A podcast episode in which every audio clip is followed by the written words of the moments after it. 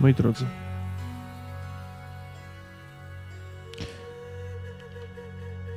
Morslip. Drugi bliźniaczy księżyc pan Sliba roztoczył swoją opiekę nad Byggenhafen. Zielonkawe światło, którym świeci ten naturalny orbita waszego świata, otuliło rzekę Bygen oraz przylegające do niej zabudowania. Przez okno waszej gospody wpadał ten zielonkawy poblask, nie dając wam dobrze spać. Dziwne sny nawiedzały was tamtejszej nocy. Mimo, że mogliście się wyspać, nie oznaczało to, że ta aura dziwnego strachu, gonitwy myśli o tym, co będzie dalej, tym bardziej po wizycie Fabergusa Heinsdorka, to nie odchodziło gdzieś w dal. Rankiem należało uregulować płatność za gospodę, co zresztą zrobiliście. Trzeba było zastanowić się, gdzie teraz, gdzie dalej, bo możliwości było i wciąż jest bardzo dużo, pewnie też takie, których jeszcze się nawet nie podjęliście, nawet o nich nie pomyśleliście. Wszystko zależy od Was. Zostaliście wplątani w niemałą kabałę. I to taką, która może się wydawać nawet poza Waszym zasięgiem. Zaczniemy sobie dzisiejszą sesję w momencie, kiedy opuszczacie gospodę koniec podróży. Kolejny dzień Schaffenfestu, który prawdopodobnie już chyli się ku końcowi. On jest gdzieś tam w tle cały czas. On w tym mieście, miasto żyje Schaffenfestem. Niezliczone grupy chłopów, handlarzy bydła, kupców, strażników, najemników przewalają się przez Bygenhafen, to wtedy z powrotem wciąż słyszycie nawoływania, głosy, to gdakanie przekupek. Każdy przekrzykuje każdego. Mimo, że Schaffenfest dzieje się głównie za murami miasta, za wschodnią bramą, to chyba nie ma innego okresu w roku, w którym miasto poświęcone Bogenauerowi żyłoby tak bardzo. Z jednej strony to dobrze dla was, bo możecie się wtopić w ten cień. Z drugiej strony to źle dla was, bo ten cień skrywa w sobie masę różnych tajemnic. Jesteście pozostawieni samym sobie. Każdy z Was ma jakiś plan na pewno. Każdy może podjąć się czegoś. Johan na przykład umówił się na wizytę u sędziego Richtera kolejny raz. Kirsten, Randolph, z pewnością też macie jakieś pomysły. Możecie zasięgnąć języka to tu, to tam, a dodatkowo gdzieś z tyłu głowy, kolejny raz to powtórzę, nurtuje was to, w jaki sposób poprzedniego wieczora przebiegła rozmowa najpierw Fabergusa z Johanem, a następnie Johana z wami. Johana, który nie powiedział wam nic, ale nikt nie broni mu mieć własnych tajemnic. Moi drodzy, Schaffenfest trwa. Tak jak i wy trwacie.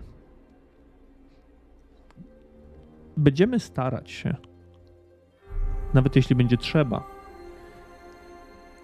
podróżować między scenami. Jeśli jednak zdecydujecie się na jakąś rozłąkę, no to wtedy już podzielimy naszą rozgrywkę. Ale zostawiam Was na razie na chwilę tutaj, przed końcem podróży, abyście zdecydowali jako drużyna, co chcecie ostatecznie w tym momencie zrobić? Wiecie, ja mam spotkanie znowu z sędzią e, Richterem. E, Powiedział, że może uda się cokolwiek tej nagrody dostać, ale już tam nawet pomijając tę nagrodę, to może uda nam się coś dowiedzieć odnośnie tej rodziny, która sobie zaskarbiła nasze, nasze zasługi. No, to też tak być nie może. I dlaczego jeden, jedna z rodzin, które zasiadają tutaj w Radzie Miejskiej, e, brała i by sobie przypisywała zasługi za kilka parę koron. No dla nich to pewnie to jest tyle co nic. Więc Jak? Przypisywali zasługi. Przecież mówiłeś, że to był e, wypadek z, w jednym z ich doków.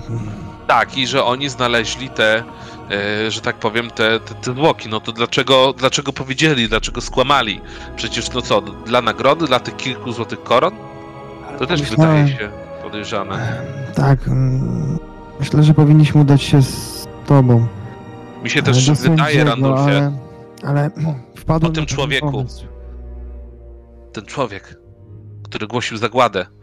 E, Jeżeli ktoś zgłosił zagładę, to może jakaś skarga do sędziego albo do, ogólnie do sądu Schaffenfestu wpłynęła o to, że jakieś herezje prawi. Może też będą w stanie Możliwe. nam podpowiedzieć. Możliwe, że został zatrzymany jakiś protokół. Nie wiem, jak to wygląda. Perspektywy prawnej, ale mam jeszcze jeden pomysł. Jeśli udamy się do doków, przypomnij mi, jak ta rodzina. Jak ta rodzina się nazywała? To była e, rodzina Steinhagerów. hakerów. Pomyślałem, że skoro wypadek miał miejsce w ich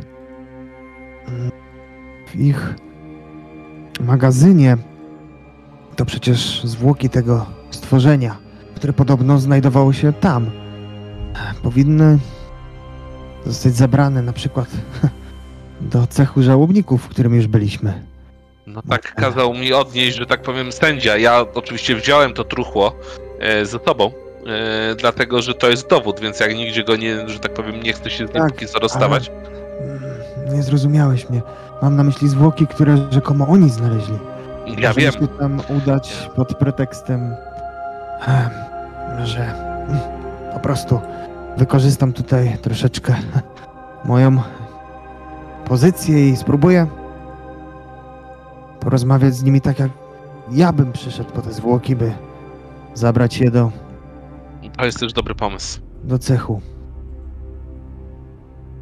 Kirstyna, ty? No cóż, ja uważam, że warto byłoby też te, te doki sprawdzić, ten magazyn i zobaczyć, może są tam jakieś ślady, a no ostatecznie jak już odwiedźmy wszystkie miejsca, które mogłyby nas, mógłby nam powiedzieć coś o tej rodzinie, to, to warto im, im złożyć wizyty, nawet pod głupim pretekstem szukania coś zarobku. Nie wiem.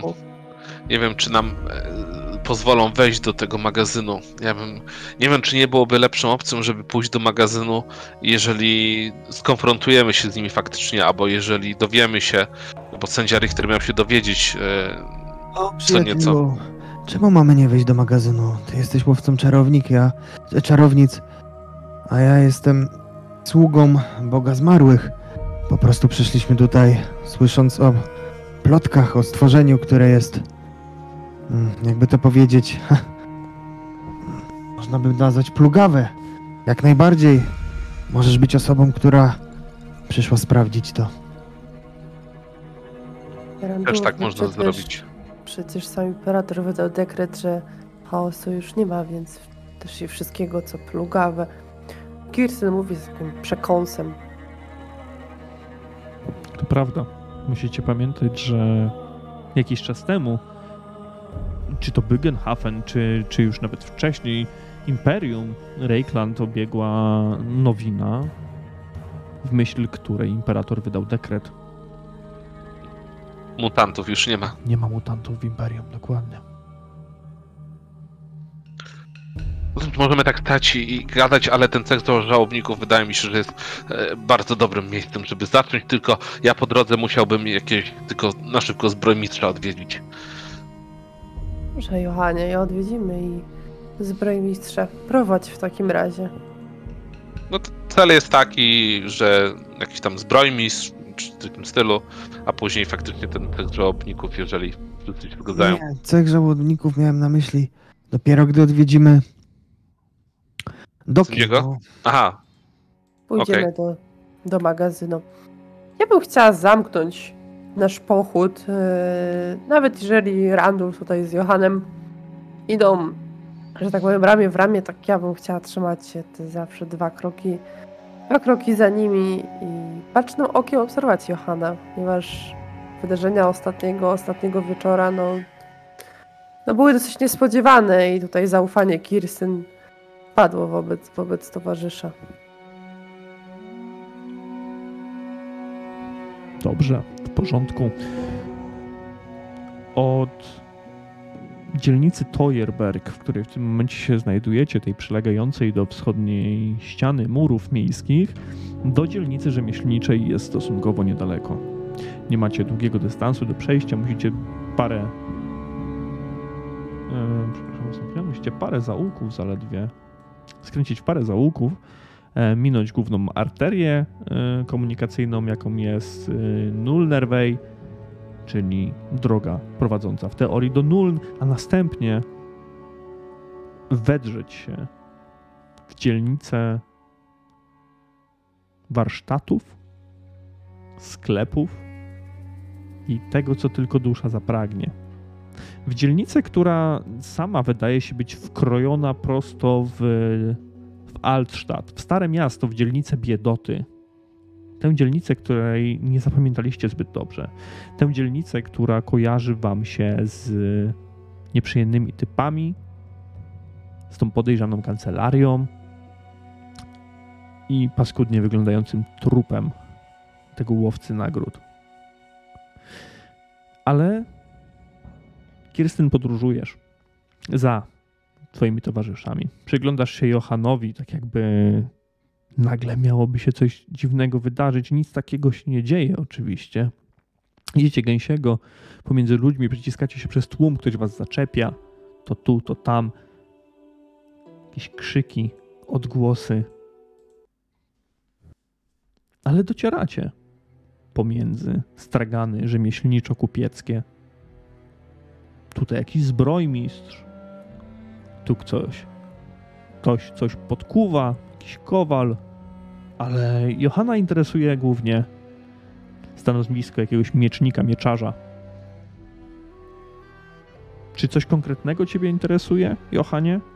miecz, zwykły, zwykły miecz, dlatego że chcę sobie go z drugiej strony do pasa przymocować. Ja oczywiście idąc przez tą przez ten targ trzymam sakiewkę mocno w garści, czy to trzymając ją gdzieś za, e, w kieszeni, czy to gdzieś za pazuchą, Mhm. wiedząc, że to jest zagłębie właśnie takich złodziei, w końcu wywodzę się z rodziny kupieckiej, więc wiem jak na takim targu wygląda.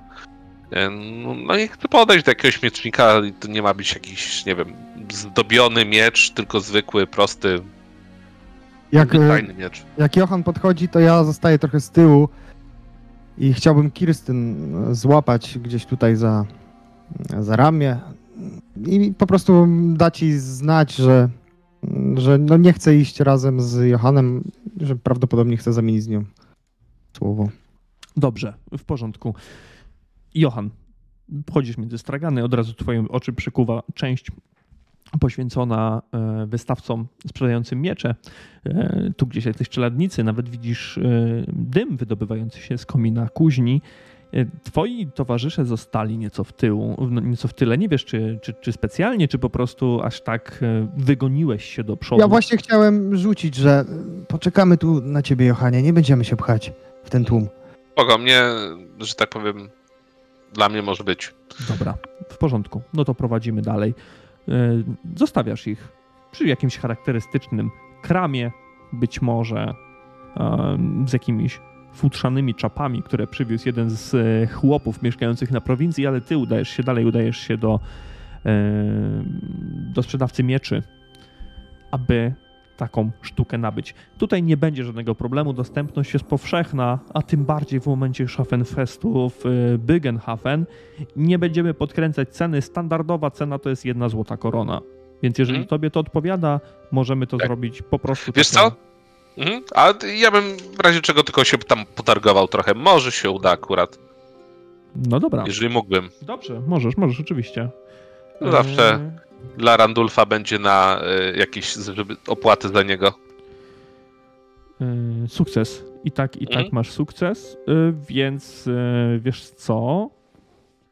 Plus dwa punkty sukcesu, więc wydaje mi się, że tak Dwie srebrne korony? dwie, nie, dwie srebrne korony nie istnieją. dwie srebrne szylingi. Wiesz co, nawet trzy bym dał.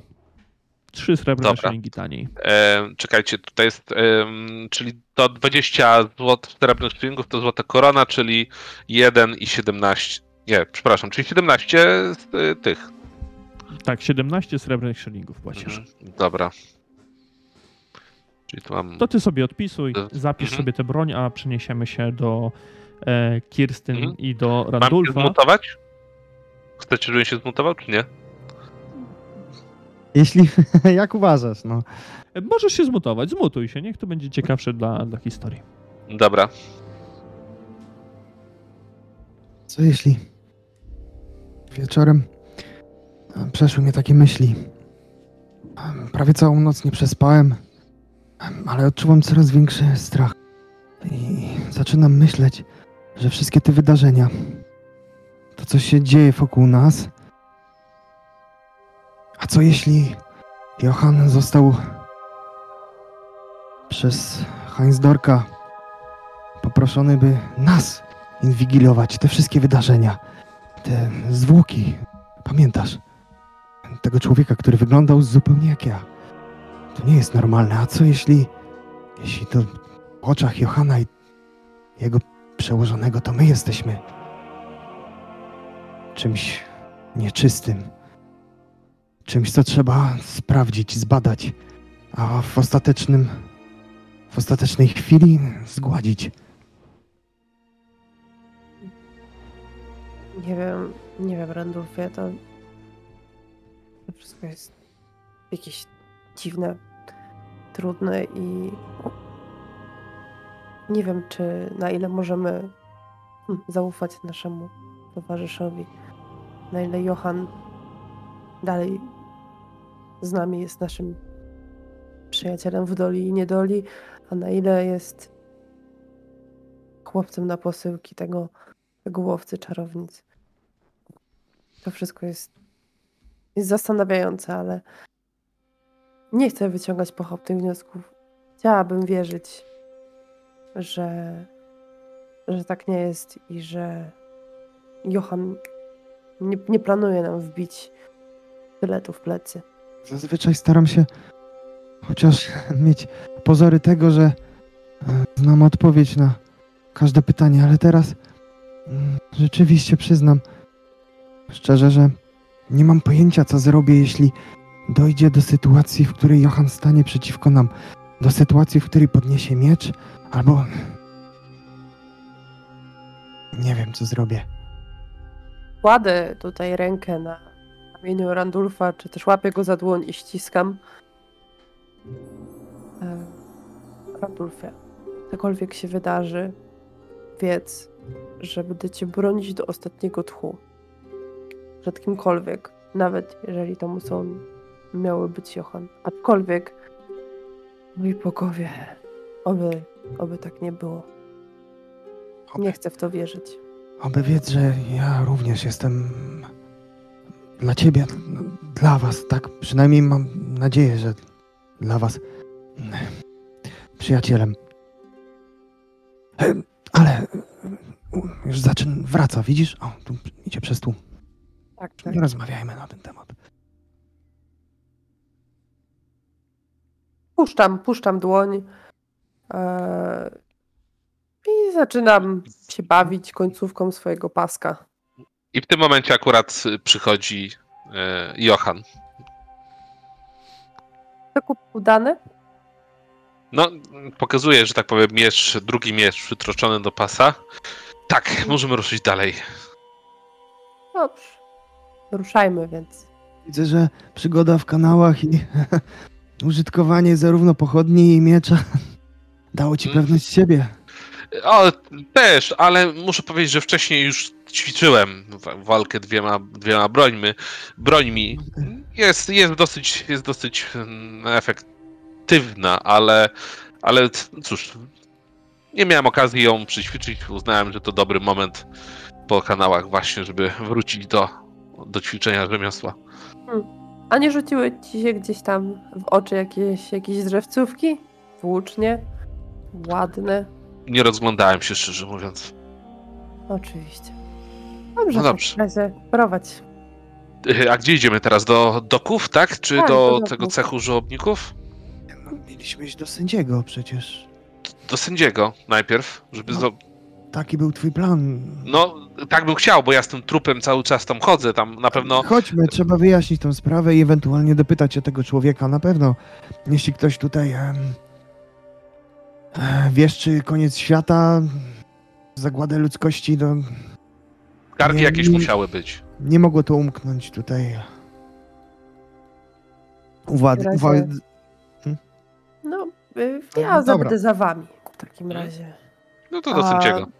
A później udamy się do, do doków, bo nie możemy na pewno zignorować tego tropu. Dobrze. W porządku. Wracacie na ulicę Nulneńską, na Nultenwej. A stąd widać już bramę wschodnią, przez którą musicie się wydostać, aby dotrzeć na Schaffenfest do sądu festiwalowego. I znowu ruszacie w korowodzie ludzi, konnych, którzy raz po raz przejeżdżają obok was. I ruszacie dalej. Przechodzicie przez bramę, gdzie znowu uderza w was Schaffenfest. Mijacie menażerię doktora Maltuziusa, z którym Johann wczoraj rozmawiał. Nadal jest nieczynna, a wręcz wydaje się wam, że niektóre namioty, czy też te wozy zdają się być już gotowe niemalże do wyjazdu. Namioty piwne pękają w szwach. To tu, to tam niosą się jakieś rozmowy, na które nie zwracacie większej uwagi, bo przechodzicie dalej, przechodzicie w stronę sądu fe- yy, festiwalowego. A tam Johan od razu rozpoznajesz y, Andreę, Mhm. która No.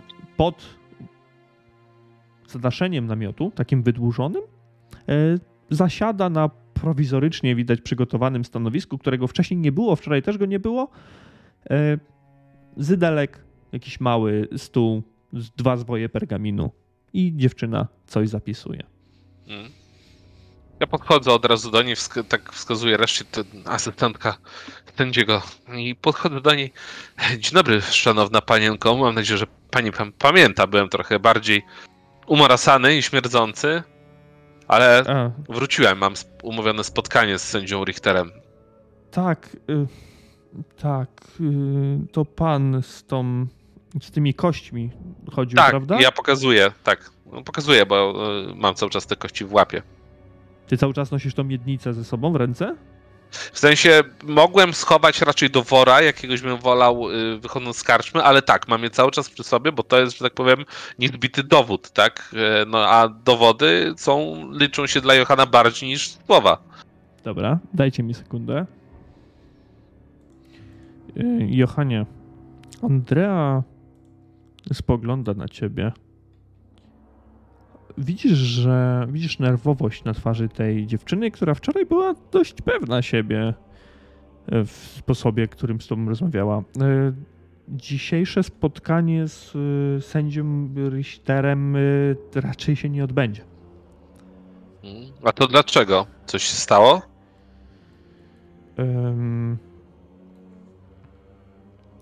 No, sędzia Richter został zastąpiony przez y, sędziego Gorońca, więc y, no, nie, ma, nie ma takiej możliwości. O, to ciekawe, a y, wiesz może panienko dlaczego? Przecież te, i teraz tak się nachylam do niej, nawet tak e, opierając się lekko o, o biurko, jeżeli siedzi przy jakimś biurku. tak szarmancko patrząc na nią. Mhm. A co się stało z sędzią?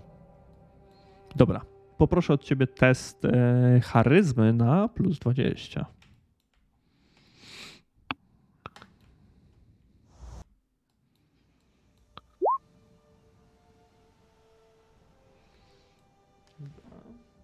Ja już sobie zerkam na wynik.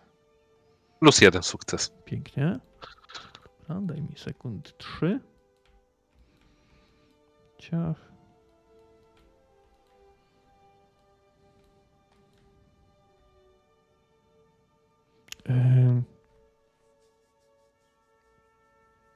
Po tym, jak y, pan był w y, odwiedzinach u sędziego Richtera, y, sędzia źle się poczuł, a jego miejsce zajął sędzia Gorońc. On jest bardzo zajęty i nie przyjmuje praktycznie nikogo.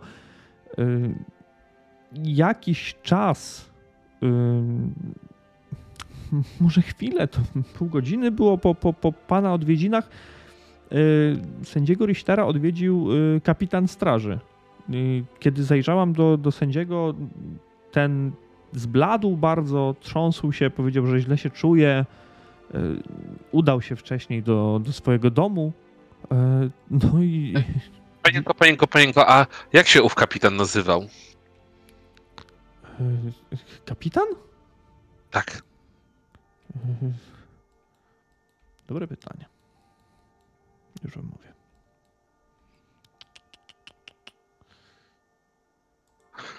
Y, Kapitan y, Rainer Getrin. Kapitan, No dobrze. Kapitan straży. Rozumiem. No cóż, jak nieszczęśliwy zbieg okoliczności to nieszczęśliwy. To e, zanim tutaj się pożegnamy, już nie będę panience czasu marnował, proszę mi powiedzieć jeszcze. e, Słyszałem pogłoski, plotki o pewnym człowieku, który zwiastował z koniec świata mm, tutaj w Bogenhafen. Zastanawiam się, czy może ktoś nie, nie doniósł na niego albo nie złożył skargę, czy może wiecie, gdzie ów osobnik się znajduje. No muszę powiedzieć, że chciałbym z nim porozmawiać, bo dla mnie to jest dosyć dziwne, bo przez według ostatniego dekretu miłościwie nam pojącego Boga Imperatora, no to przecież y, mutantów już, już nie ma, więc chciałbym się dopytać tego człowieka, gdzie on widzi zagładę i z, i z jakiej strony. Na, pe- na pewno nie było nikogo takiego na Schaffenfeście, nie, nie było żadnych skarg na ym, sądzie festiwalowym. Y, Co ciekawe, wczoraj nawet nie ma żadnych skarg na, na Gotriego, na naszego krasnoluda, który często bywa zakuty poznaliśmy. Y, W sumie to nie widziałam go y, od wczoraj y, nawet. Y, Może warto zapytać w ratuszu y, samym w sobie, bo może coś, co się dzieje w mieście, no to nie jest y, rozpatrywane tutaj na sądzie festiwalowym. Dobrze, panienko, w takim razie dziękuję. Dziękuję bardzo. A to trofeum dla ciebie. Możesz zawiesić sobie nad ścianą. Jej, zostawiam te, e, Ale- te, te kości Ale, bo, po, po i co? Panie Johanie, Bo już jestem wkurzony, bo widać, że co, już Johan wie, że coś jest nie tak. Tutaj jest za dużo zbiegów okoliczności. On już nie chce, już, już Johan tak olać te kilka srebrnych koron. panie Johanie, jeszcze jedno. Słucham. Słyszysz, jak woła ciebie. Hmm? E, sędzia Richter zajmuje pokoje w gmachu e, miejskiego sądu. Może e, gdybyście chcieli go państwo odwiedzić, to nie wydaje mi się, żeby to był problem. No właśnie. To jest to, co musimy sprawdzić. I Dziękujemy. Teraz się już odzywam. mhm. Trącam się wręcz, bo tak jakby Johan troszeczkę. Tak. E, dziękuję, e, panienko. Niech to trofeum ci służy i przypomina ci o naszej odwadze. Jeżeli nie dostaniemy pieniędzy od miasta, to może chociaż ktoś kiedyś wzniesie kufel i uraczy kogoś opowieścią o heroicznej trójce z Bogenhafen. Szlajmy, Johanie. I idę. Zostawiam już jej te kości, nie chcę mi się tego wlec ze sobą. Oczywiście. Myślę, że sąd to jest. To jest odpowiednie miejsce. Dobrze, że ta kobieta tak. powiedziała nam, gdzie go znaleźć, bo już myślałem, że będziemy szukać w ratuszu i tam e, podejmiemy próbę rozpytania, gdzie go znajdziemy. Powiem wam, że to jest duży zbieg okoliczności. To wszystko. Najpierw ta, ta rodzina, a teraz e, choroba. To, że on wyglądał e, jak. Przeraziła go rozmowa z tym kapitanem, więc wydaje mi się, że tutaj mamy. Jed... Mamy chociaż kolejne nazwisko, które tutaj nam się do układanki. Ciekawy jestem, co takiego usłyszał sędzia, że tak nim wstrząsnęło i. No, może sam nam opowie o tym. Chodźmy, chodźmy, nie ma czasu do stracenia. To wszystko Dobra. nabiera tempa. To co, gdzie teraz idziemy? Do, do ratusza? Nie, Nie, nie, do sądu. do sądu. Tam, A gdzie potem- pokoi ma Richter. A co z dokami? No przecież... No, Doki Jasne. mogą poczekać, ale czy ciebie nie interesuje to, co. To, co powiedział mu kapitan, to na pewno jest związane z tym wszystkim. Mi się wydaje, że ten kapitan nawet może być na służbie tych kupców. No przecież żadni bogaci kupcy sami e, osobiście by się raczej nie zajmowali takimi rzeczami, tylko zlecili to komuś, więc może ten kapitan właśnie jest człowiekiem e, od nich. No i e, tutaj chciałbym, że tak powiem, powołać się na wiedzę mojej postaci albo ewentualnie rzucić, no bo z tego co mi się wydaje, no to jednak straż, a sąd to są, że tak powiem, dwie inne instancje, różne instancje, które nie wpływają nad, e, na siebie i raczej nie wydają sobie, że tak powiem, nawzajem rozkazom. Powinny być teoretycznie niezależne.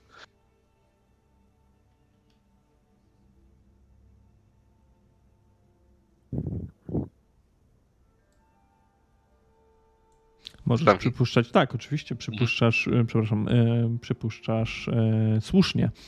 Straż najczęściej wykonuje po prostu jakieś polecenia, dba o porządek. Władza sądownicza jest już całkowicie inną władzą. Zastanawiacie się nad tym, myślicie, kiedy, o dziwo, znowu Johan, wszyscy słyszycie za sobą głos Andrei, która nie odeszliście może daleko nawet, bo zastanawialiście się dopiero, gdzie iść, kiedy ona znowu krzyczy, Panie Johanie,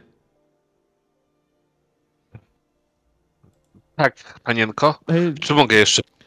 Tak pomyślałam sobie, widzisz, że ona nerwowo poprawia kosmyk włosów, patrząc na ciebie. E, Tak sobie pomyślałam, bo może, może to będzie istotne. E, Podczas spotkania z sędzią kapitan straży wydawał się być dziwny, bo był rozbawiony, wyszedł z namiotu sędziego śmiejąc się, a no ja znam kapitana i on bardzo, bardzo rzadko się uśmiecha. Także tak zauważyłam tylko, zaobserwowałam tyle, więc może, może to jakoś mm, pomoże. W tym momencie, jak ona to mówi, to w głowie Johanna odbija się śmiech. Śmiech, który słyszał, kiedy oni puszczali się biegiem, żeby uciec z kanałów. Mhm. I dochodzi tak, jest taka myśl, taka, taka lampka się zapala w głowie Johana, że skoro Andrea mówi, że ten kapitan był bardziej ponurakiem, a ten, to stworzenie śmiało się, kiedy dało, że tak powiem, jakiś tam teoretycznie zawarło układ albo proponowało układ, czy może nie jest to samo właśnie w tym sytuacji, że może został ten kapitan jakoś opętany i, i zaproponował układ Richterowi, może pokazał kawałek swojej plugawej mocy. Takie, takie, taki pomyśl, taka, taki pomysł od razu się tli w głowie Johana. Yy, Dziękuję. Może to się okazać istotne, może nie, ale każdy szczegół jest istotny. Dziękuję Ci jeszcze raz, panienko, że tutaj za nami biegłaś. Ona skłania się jeszcze. A ja, ja chciałbym też na o, pożegnanie ją ucałować, jak się żegnam, to podejść i ucałować ją w rękę. Tak szarmancko, rozumiem, w porządku. E, widzicie, że e, dziewczyna oblewa się czerwonym pąsem od razu i wręcz odbiega w stronę, w stronę tego namiotu e, sądu festiwalowego. Sobie na, na widok tej sceny, na, na widok tego pocałunku wywraca tylko teatralnie oczami. Cała ta sytuacja jej generalnie nie podoba, bo gdziekolwiek nie idą, tak znowu są jakieś dziwne wydarzenia. Ktoś znika, ktoś się pojawia i Mam wrażenie, że los pstryka ich cały czas w nos, co, co przekłada się na ogólny nastrój. Jest dosyć pochmurna, małomówna raczej. Rzuca kośliwe uwagi pod, pod nosem, zupełnie tak jak, tak jak nie ona.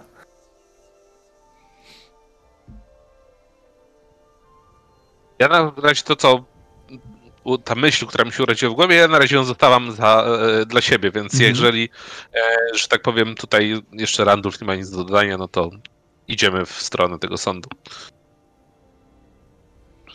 Dobrze. W porządku. E, moi drodzy, docieracie chwilę później do do Drajekplac, do kolejnej części miasta, którą już e, mijaliście wielokrotnie. To tutaj znajdują się budynki ratusza, sądu miejskiego. To tutaj także znajduje się cech żałobników, w którym także mieliście już przyjemność, jedni może nieprzyjemność, być. Drajekplac to istne centrum administracyjne tego miasta. Większość usytuowanych budynków w tej dzielnicy ma bardzo rozbudowane fasady. One są przyozdobione, wręcz upstrzone różnymi łukami, kopułami, kolumienkami. Znajdują się też tutaj rzeźby patrona tego miasta, Boga Bygenauera. Gdzie niegdzie migotają wam tutaj szyldy kilku karczm, zdecydowanie bardziej, e, przepraszam, wyżej, bogaciej e, usytuowanych i prawdopodobnie większość z nich można odwiedzić tylko w momencie, kiedy jest się naprawdę szychą w Bygenhafen. Drajekplac zapełnia się ludźmi ze wszystkich szczebli drabiny społecznej. Są tutaj obdartusy z Altstadt, są tutaj dokerzy z Ostendam, są tutaj chłopi, kupcy, rzemieślnicy, urzędnicy, wszyscy. Nawet przelacy kuglarze, którzy próbują zarobić parę groszy, doradcy prawni, agitatorzy, sklepikarze, wszystko, co tutaj może, może być. Widzicie tutaj także coś, co muszę wam pokazać w handoutach, żebyście już mieli. Znajduje się tutaj także ciach, możecie zobaczyć, czy zadziała. Powinno zadziałać. Pomnik Mhm. Opiekuna miasta. Mhm. Pomnik Bygenauera. Docieracie pod gmach miejskiego sądu. Obok ratusza. Oba te przybytki są usytuowane obok siebie. Sąd jest otwarty, ogromne drzwi zdobione, rzeźbione, jeszcze dodatkowo żłobione jest to drewno. Jedno skrzydło jest otwarte, ruch cały czas tutaj panuje. Wchodzą e, bogato odziani kupcy, wychodzą, spieszą tutaj prawnicy, tak jak już mówiłem, czy też inni ludzie, którzy potrzebują jakiejś pomocy, porady. Według tego, co powiedziała Andrea, powinniście udać się do środka i Jest znaleźć. jakaś recepcja? Albo coś w tym stylu, co mi przypomina, że tak powiem, e, kogoś, kto kieruje, że tak powiem, interesantów? Tak, kiedy, kiedy zaglądasz do środka przez te otwarte drzwi, e, widzisz bogate wnętrze, wręcz złocone w wielu, wielu miejscach, wyłożone posadzki są marmurem. Zauważasz coś w rodzaju takiej wyspy znajdującej się na środku. W dziwny sposób e, jest to przedstawione, jak dla ciebie, ale tak, jest to taka wyspa, która znajduje się em, idealnie w centrum em, tego holu. I tam wydaje ci się, że rolę pełnią jacyś, powiedziałbyś, może recepcjoniści, może ktoś, kto przyjmuje jakichś petentów, bo stoi tam kilka osób odzianych w galowe stroje, takie dość eleganckie, urzędnicze, którzy rozmawiają, pokazują coś rękami na lewo, na prawo i ludzie, którzy podchodzą do nich co chwilę się rozchodzą w różne, w różne strony tego sądu. Zauważacie od razu, zauważacie, może zauważasz, Johan, kiedy ty zaglądasz do środka, widzisz, że mm, tuż przy wejściu, tuż przy schodach, tuż przy, tuż przy drzwiach, y, znajdują się schody. Szerokie schody, które mm, swoją konstrukcją taką łuko, łukową, łukowatą, odchodzą od drzwi z dwóch stron, prowadząc na piętro. Mhm. Przed wejściem na pewno chcę sobie założyć swój kapelusz, który wyciągam za, za pasa. Mhm. E, I słuchajcie, tam na środku jest coś w stylu, nie wiem, jakiś tam pomagierów, kogoś, kto może nas pokierować. Chodźcie, zapytamy się, w którym, jak trafimy do pokoju e, Richtera. I pamiętajcie, sędzia się źle poczuł, a my tu jesteśmy, żeby mu, żeby mu pomóc i zapytać się, co mu, co mu potrzeba. Może coś targu, może jakiś świeży owoc. Znajomymi jesteśmy Richtera. Chodźcie. No i wchodzę i chcę podejść do tej e, recepcji, tak mówiąc już po naszemu, i zap- zapytać po prostu, e, dobry człowieku, którędy do e, pokoju sędziego Richtera? To spo- do pokoju sędziego Richtera? A, tak, y, oczywiście. To teraz tak, trzeba się odwrócić tutaj. Y, Prawymi y, schodami udajemy się y, na górę, następnie następna klatka schodowa, wchodzimy na drugie piętro. E, Drzwi apartamentu sędziego Heinza Richtera ozdobione są w sobie motywy. Sędzia mieszka sam i prosił, żeby mu nie przeszkadzać e, zanadto. Państwo w jakiej sprawie?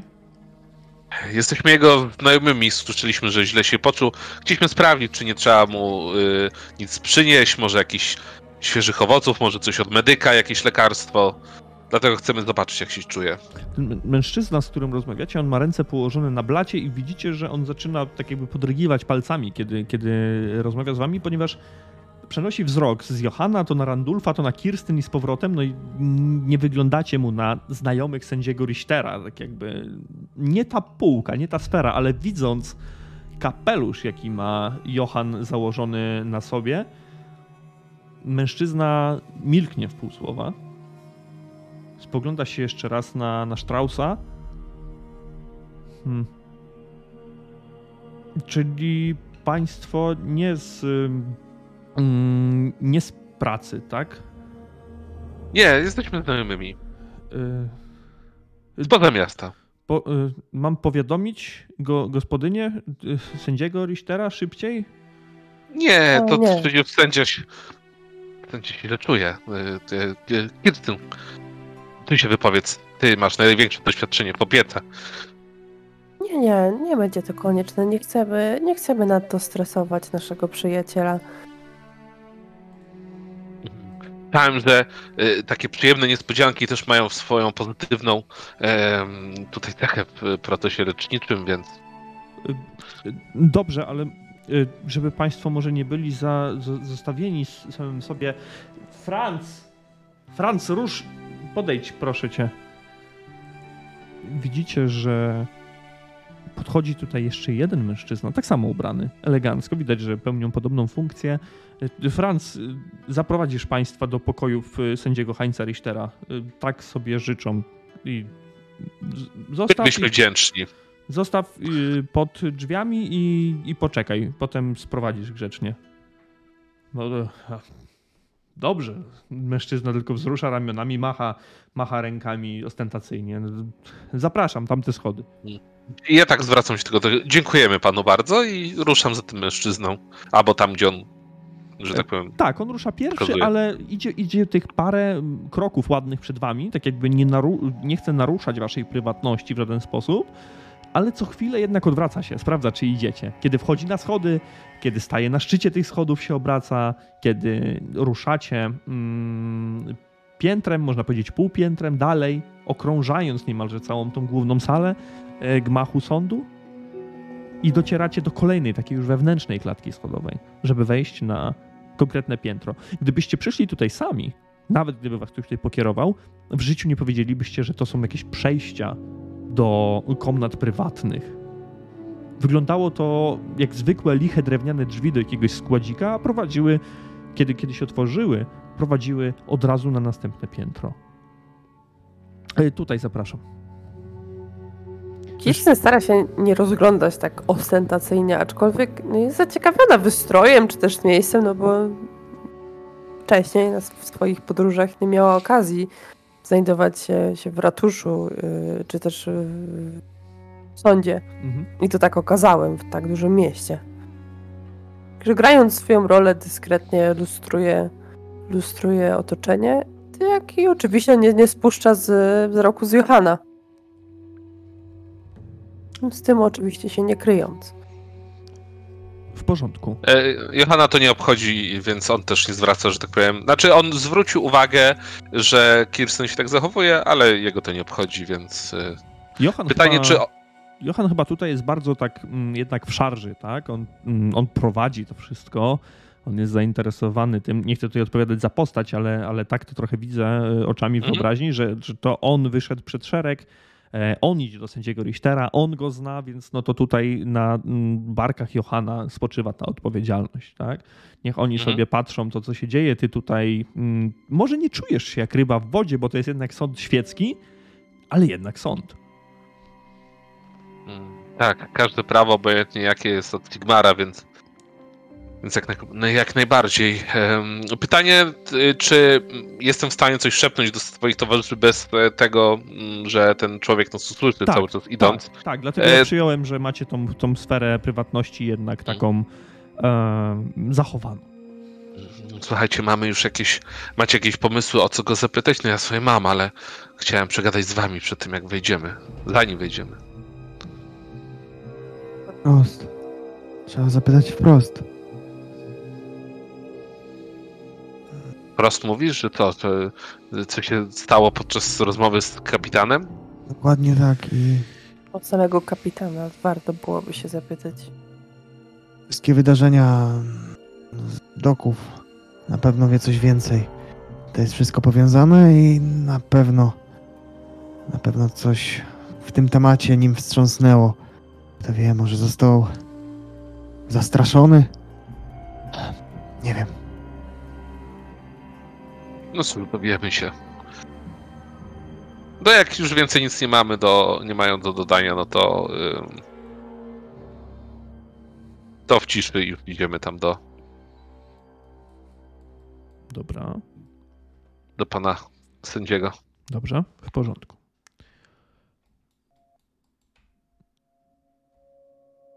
Ciach. Zatrzymujecie się przed drzwiami do apartamentu. Podróżowaliście teraz przez dłuższą chwilę korytarzem dość wysokim, szerokim. Tutaj też znajdują się e, liczne zdobienia, ale bardziej, bardziej te utożsamiane już z władzą sądowniczą.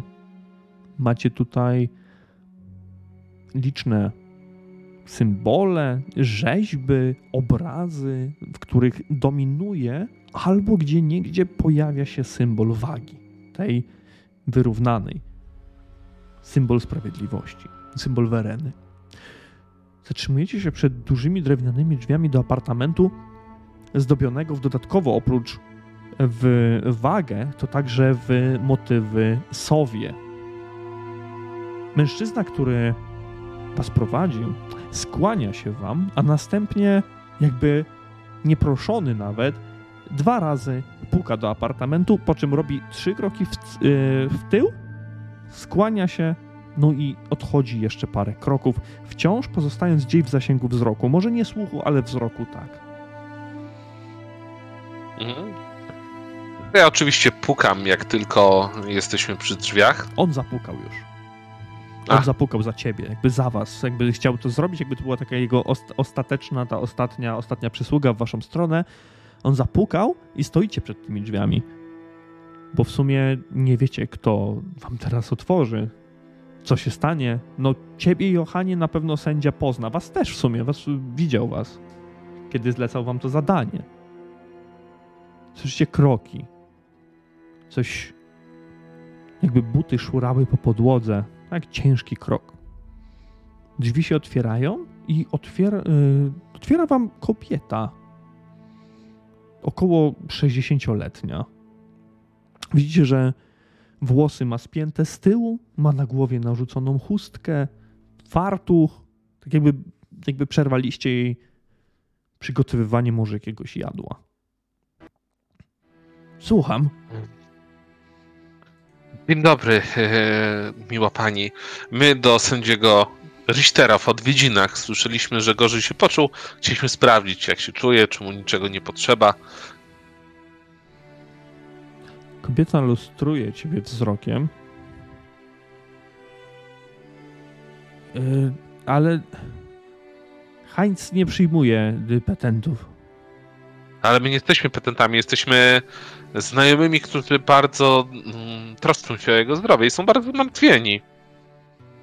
Dobra. Wiemy dobrze, że nasz, że, nasz, że nasz Heinz y, nie choruje za często, a nawet jak go coś złapie, to przecież i tak na to nie zwraca uwagi i mówi, że że to, że Sigmar będzie go miał w opiece, a Verana będzie sprawiedliwa i, i nie pozwoli, by choroba się mu i mała. Dobra, super. E, proszę ciebie o zdanie kolejnego testu charyzmy i także z modyfikatorem plus 20 w tym momencie. Mhm, dobrze.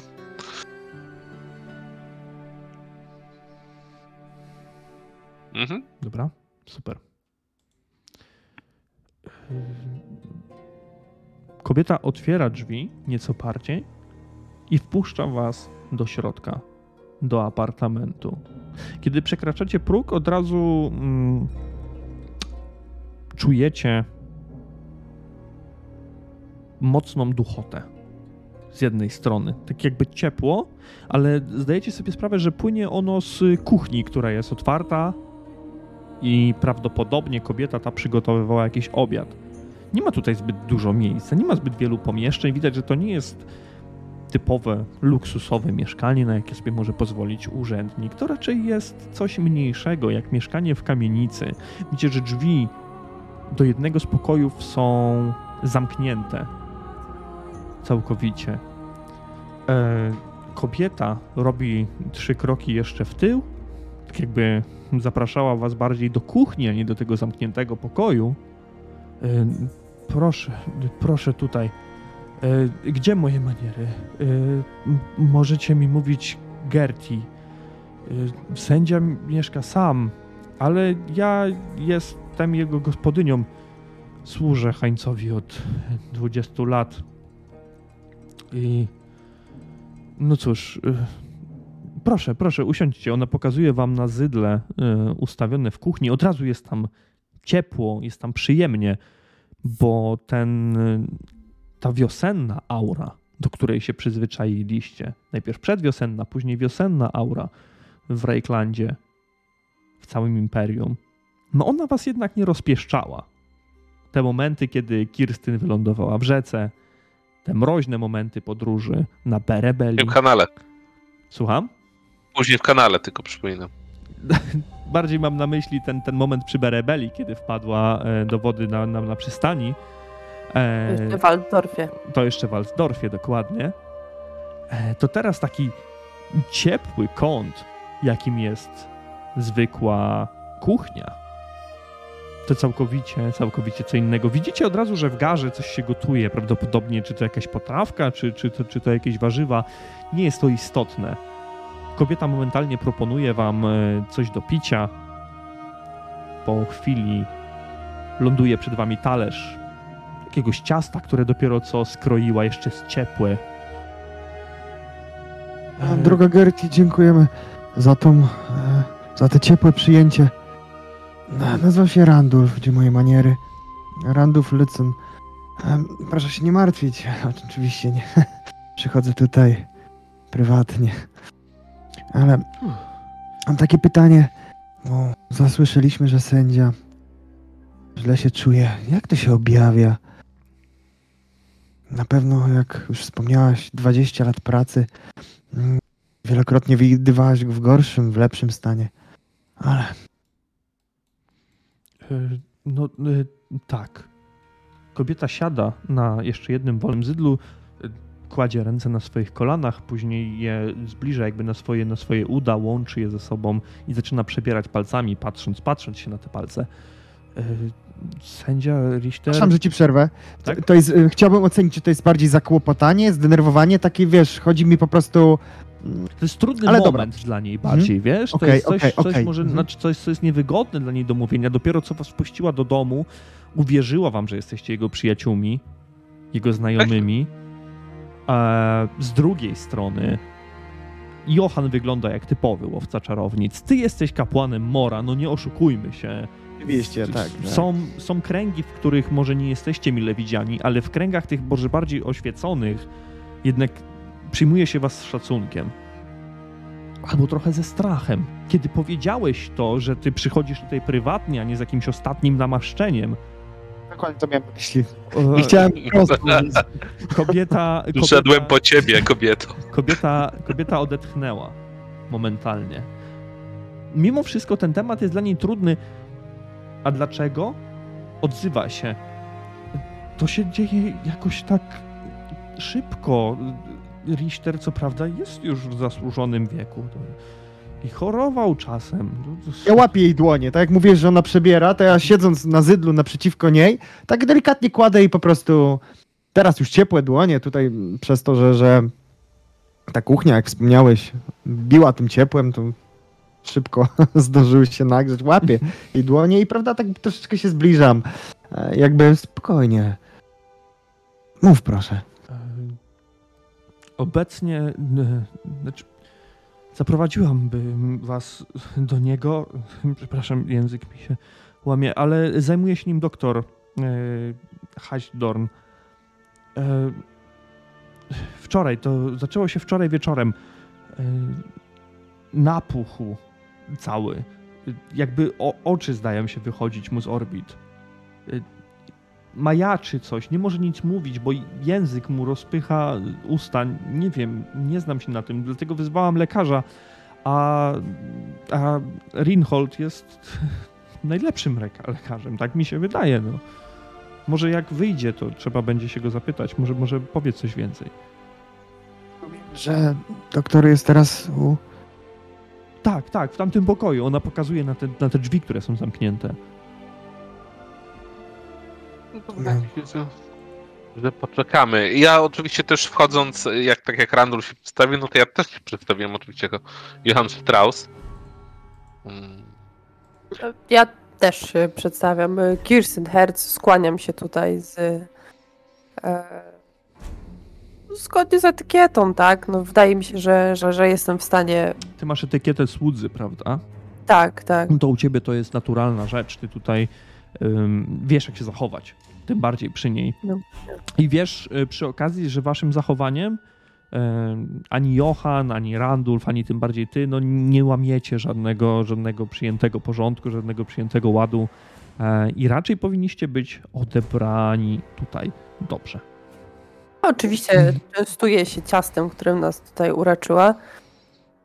I e, przełykając już, już e, tam ostatni, ostatni kawałek swojej, swojej, swojej porcji, mm, droga, droga Geltri, ja jestem pewna, że jest tutaj w doskonałych rękach.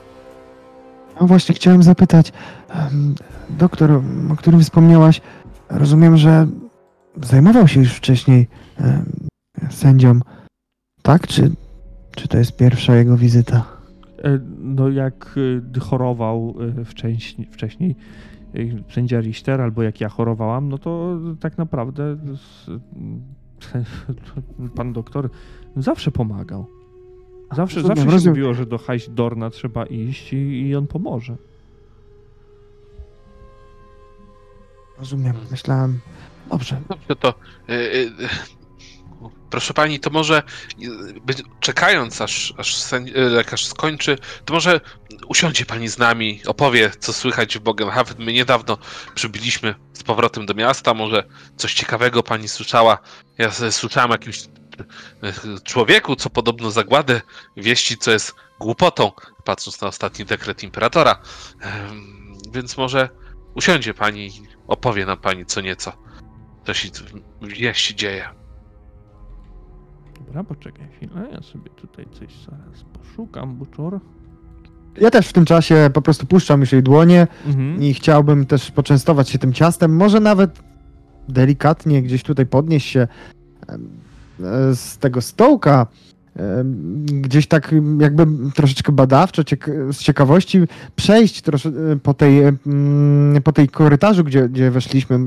Oczywiście tutaj dyskretnie chciałbym coś podsłuchać, czy, czy w tym pomieszczeniu cokolwiek się dzieje, tak? Czy, czy słychać jakieś No tak. głosy? Ciastem też się oczywiście zajadam, bo to ciasto w końcu. Dobra. No już pyszne. Czy, czy ja tam wyczuwam nutkę, nutkę cynamonu? E, e, e, tak, tak. e, oczywiście, że, że cynamonu zawsze mm, dodaję nieco, bo, bo, bo sędzia Richter bardzo, bardzo lubi. E, Panie, panie Randulfie, ale e, tak proszę nie, nie, nie przeszkadzać jakby też. Ona Tak, tak, tak, ona tak to mówi zapobiegawczo oczywiście. Ty podchodzisz do tych drzwi A czy ja nie chciałem podejść aż tak blisko, że wiesz. Wiem, w stronę tych drzwi podchodzisz. Nie, nie że Tak, stoisz tak, przed drzwiami. dokładnie. E, Jasne. Skrót, skrót myślowy. Podchodzisz w stronę tych drzwi i mm, bardziej słyszysz coś w rodzaju jakby mruczenia, jakby ktoś mówił coś do siebie samego, że mm, tutaj coś, tam coś innego. E, Mhm. Dociera to do twoich uszu, bo, bo te drzwi, te drzwi nie, nie są jakoś szczelnie zamknięte. Widzisz, że nawet jest szpara y, pomiędzy podłogą a, a tymi drzwiami. No teraz przewrócimy cię na plecy, y, Heinz, i sprawdzimy. Tam mija ci to gdzieś, miga. Pod, podsłuchujesz, ale nie dzieje się y, nic dziwnego, Podejrzanego. nic podejrzanego. Standardowe, jakbyś, jakbyś słyszał po prostu No wracam, wracam. Od razu wracam jakby, jeśli słyszę, że to jest taka standardowa jakaś właśnie rozmowa, lekarz, pacjent, to, to jak najbardziej troszeczkę się uspokajam i, i wracam tutaj, żeby też nie denerwować em, gosposi.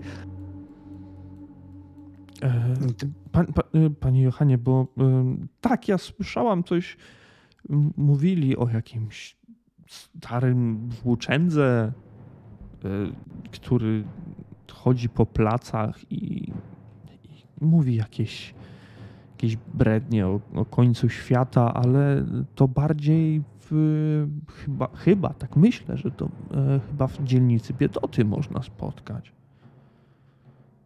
No bo tak nie, nie wyobrażam sobie, żeby w taki, w taki dzień jak ten ktoś stanął przed posągiem Bygenauera i takie rzeczy zaczął mówić. To jest Oczywiście. nie do pomyślenia. Ja bym... Ale czemu? Cze- Czemu w ogóle szukać kogoś takiego? Tutaj e, kolega Johan lubi weryfikować z takimi ludźmi ich poglądy i też nastawienia, jakby szukając rozwiązania tego, tego problemu, czy też choroby. Sama pani rozumie, tutaj kolega dobry, dobry człowiek. Chciałby pomóc wszystkim, nawet tym najbiedniejszym. Ja tak, e, Johan w tym momencie tak unosi brwi, spogląda się na, na Kirstyn, on się nie odzywa, ale e, no cóż.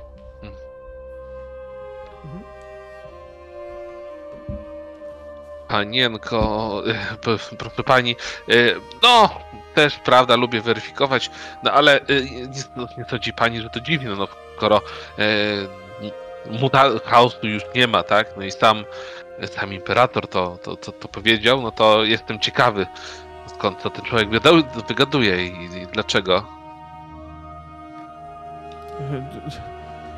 To może trzeba doktora zapytać, bo to, to dla mnie brzmi jakby zmysły postradał jakieś. A ty- tu go już doktor siedzi u, u sędziego? E, Nie, no wszedł jakiś, jakiś czas przed, przed tym, jak wy przeszliście. Wydaje mi się, że niedługo e, powinien wychodzić. W takim razie. W takim razie zaraz pewnie porozmawiamy. Tak, no to jeżeli ona ma coś jeszcze ciekawego do powiedzenia, to, to, to niech mówi, a jeżeli taki to ma być smalltalk, to możemy uznać, że ten odg- odgrywa się Jako gdzieś tam w takich, tle. jako takich ogólnych plotek zasłyszanych, no to na pewno ma multum. Tutaj nie musimy tego odgrywać, ale to bardziej przechodzi w rolę smalltalku. Musielibyście już ją zapytać o coś konkretnego. Ja musiałbym poznać Ja konkretne chciał pytanie. to zrobić. Ja chciałbym to zrobić. A e, słyszałaś może o, o tym tajemniczym trójnogim goblinie? Coś więcej? A może nawet y, Heinz coś wspominał. A, tak, tak. Y, mówił, że. y, mówił, że y, jak był w przerwie. Przepraszam, jak ja, jak ja byłam w przerwie, żeby zanieść mu y, obiad, powiedział, że y, wysłał y, trójkę jakichś y, poszukiwaczy do kanałów, bo y, szukali y, goblina, ale godzinę później, powie- powiedział, że godzinę później, kiedy, kiedy ich wysłał, to tego goblina znaleziono w magazynie na Ostendam, więc biedacy niepotrzebnie się taplali w tym szlamie. I sam Sigmar wie, czym jeszcze tam się znajduje w tych kanałach. Ja nie wiem, nigdy, nigdy nie byłam.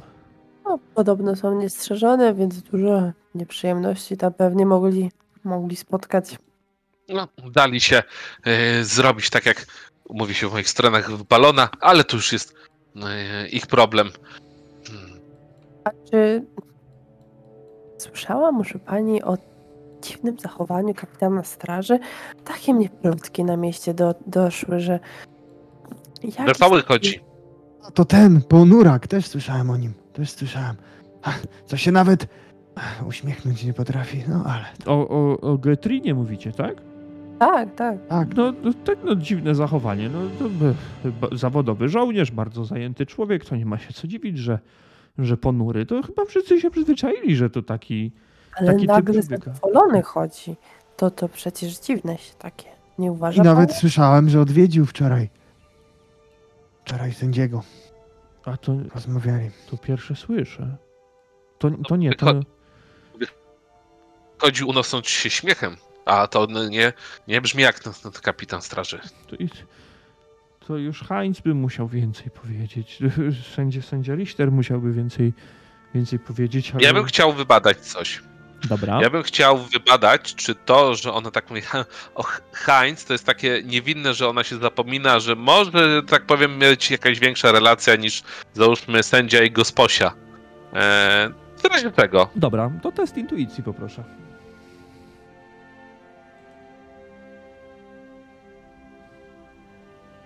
E, już, już, już, już, już. No nie. Nie, Nie, nie, nie zot- tak, zostawiam zdałeś, to. wiesz co, no, co, co, co ci tutaj można, można powiedzieć? Domysły zawsze są, mm, zawsze są domysłami w tym aspekcie.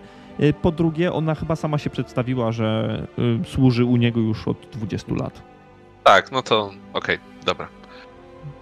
Ja w momentach, w których ona tam zaczyna czuć się no, zakłopotana, widzę właśnie, że, że tam nerwowo rękami prze, przebiera, czy też no widać pani, że, że się zaczyna stresować, to tak zagaduje ją o jej kuchnię. Jakby to jest taki neutralny temat, którym no, zachwalam oczywiście, że ciasto pyszne, że tutaj to, co pachnie, to, to na pewno musi być wspaniałe i że Kirstyn, mówisz to, kiedy drzwi do pokoju się otwierają. Tam y, najbliżej był Randulf, ale ty zdążyłeś już wrócić. I widzicie y, wychodzącego w fartuchu, jeśli tak to można powiedzieć, i w płaszczu mężczyznę, który ściąga y, monokl z okna, zawiesza z okna, z oka, przepraszam, najmocniej z, z oka zawiesza go sobie, y, chowa go sobie do, do, do kieszonki tutaj. Spogląda się na was, spogląda się na Getri. Y, Dzień dobry Państwu. Ach, No cóż, doktor. Doktor Reinhold. Dobrze, widzisz, jak nasz. Jak nasz e, tutaj znajomy się czuje. e, muszę powiedzieć, że e, sytuacja jest poważna. Sugeruję, żeby utrzymywać pacjenta cały czas w cieple i, i, i nie doprowadzać do wychłodzenia organizmu.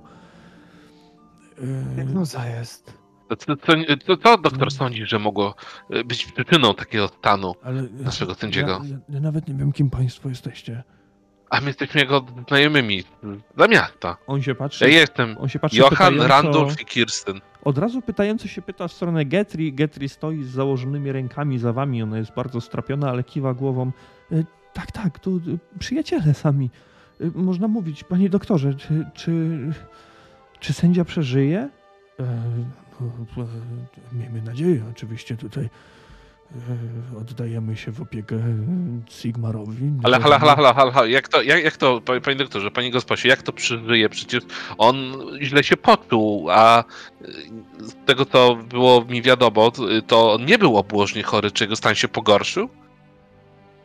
E, No, patrząc na wszystkie skutki objawy, jakie, jakie dotknęły sędziego Richtera, no to najlepiej na razie, aby pozostał w samotności, aby e, był otoczony najbliższą opieką.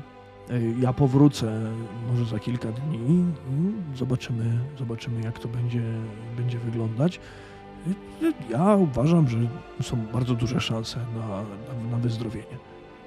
No dobrze, ale, ale jaka jest diagnoza w końcu? Co trapi em, ciało doktora? E, Em, Jakaś trucizna? Można by nawet Nie, nie, nie, nie, nie, żadna, trucizna. Truciznę y, wykluczam od razu po badaniach, które tutaj na prędce przygotowałem. Będę musiał także troszeczkę mm, utoczyć krwi pacjentowi, ale no muszę Państwa najmocniej przeprosić. Czeka na mnie. Y, Czekają na mnie kolejni pacjenci, to tyle co mogę powiedzieć na teraz. Y, Z pewnością y, naszego sędziego toczy choroba. Przepraszam najmocniej. I on otwiera drzwi momentalnie i wychodzi przez nie, zostawiając was na środku z tymi otwartymi drzwiami. Słyszycie tylko stukot jego butów i te niedomknięte drzwi do pokoju sędziego, sędziego Richtera.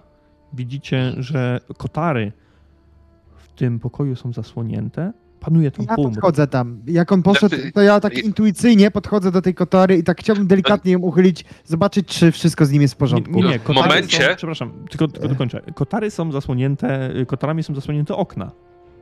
Panował dobra, bo myślałem, że, że jest jeszcze... kot- Nie, nie, nie, Okej, nie, nie. okej. To chciałbym po prostu zajrzeć, korzystając z tego światła, które wpada tutaj z tego korytarza i, i zdecydowanie zobaczyć, czy, czy on, wiesz, oddycha, To jak tam wiesz, ra- funkcje W życiowe, tym, samym w tym samym momencie, jak Randulf patrzy, to ja tylko chciałem się zwrócić do, do, do Gerti. E, no pa, pani Gerti, może pozwoli pani, że e, wejdziemy teraz do przyjaciela, mamy d- na, do nadrobienia trochę, e, trochę spraw. Nie będzie e, przeszkadzało to pani? Nie, nie, nie. Ja, ja może jeszcze zrobię coś ciepłego do, do napicia się. Ona Hmm? Zamyka drzwi zdecydowanie najpierw za, za doktorem, który wyszedł i zostawił te drzwi otwarte ze sobą. Przy okazji wykonuje kilka gestów związanych z opieką Sigmara. Tą kometę o dwóch ogonach zdecydowanie, tak jakby na pożegnanie jakby chciała, żeby te słowa doktora się sprawdziły, a następnie rusza, rusza do kuchni. Tak, no, proszę bardzo, oczywiście. W tym momencie Randulf, widzisz, że kołdra, którą, pierzyna, którą jest przykryty sędzia, unosi się miarowo. Więc masz pewność tego, że, że, że sędzia, sędzia żyje, ale tutaj, tak jak powiedziałem, trochę panuje jednak półmrok, jednak, jednak te kotary są zasłonięte.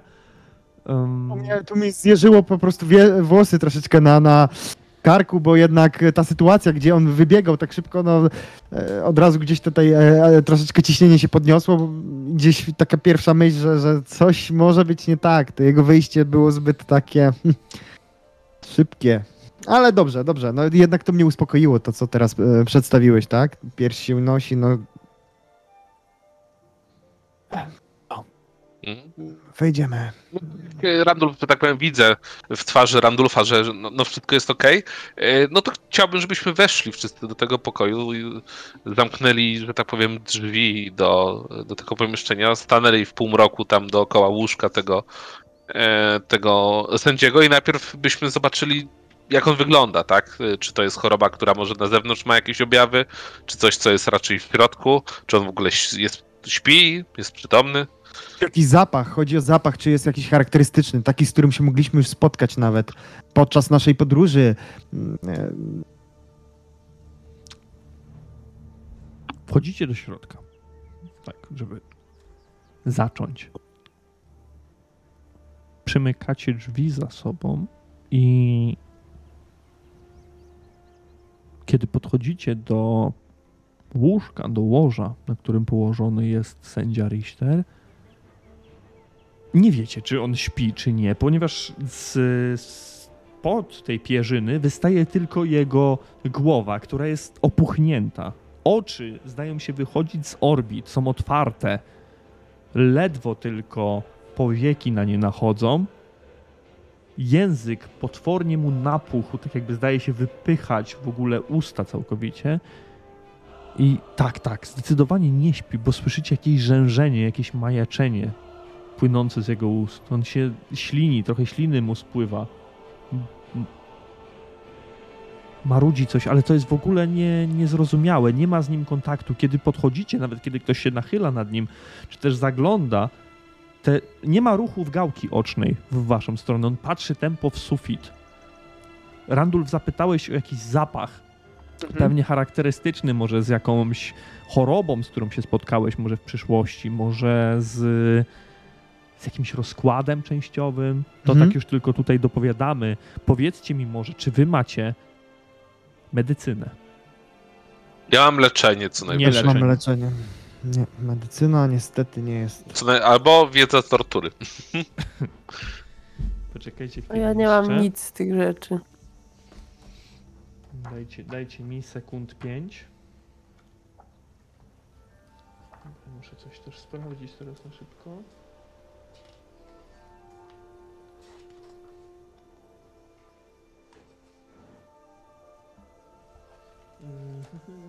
Bo ja nie chcę tutaj...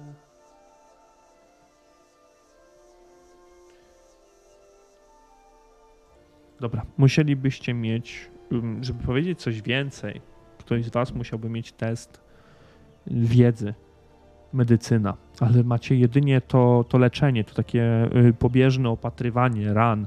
Żadne z was nie jest chirurgiem, nie jest y, medykiem. Hmm.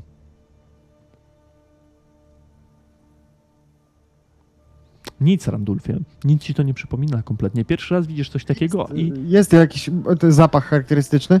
im, im, dłużej, im dłużej patrzysz, nie, bardziej, bardziej coś, y, bardziej taka duchota też tutaj w tym pokoju. Widzisz, że te y, okiennice, które są zasłonięte tymi kotarami, one są wiecznie zamknięte. Więc tutaj jest, y, panuje zaduch w tym pokoju. E, no i smród y, już bardziej ciała y, ludzkiego, nie rozkładającego się, tylko bardziej Tylko po prostu spocony człowiek, który- człowieka, dokładnie. Mhm. Który nie ma siły się poruszyć. Ale najbardziej uderza to wszystko w Johana, ponieważ Johanie, ty wczoraj widziałeś sędziego Richtera, ty wczoraj rozmawiałeś z sędzią Richterem i jak na 60-latka, no to jest niemożliwe, żeby w przeciągu dnia jakaś choroba, która może w nim była wcześniej, aż tak postąpiła. Mhm. Pytanie takie, przy łóżku, nie wiem, jakiś stolik jest. Domyślam się, że doktor mógł zostawić jakieś leki, które, które Nie trzeba mu podawać. Nic? Nie ma, Nie. nie, ma żadnych takich. Powiedział tylko, żeby trzymać pacjenta w cieple. Widzicie, że twarz Johana jest taka bardzo strapiona.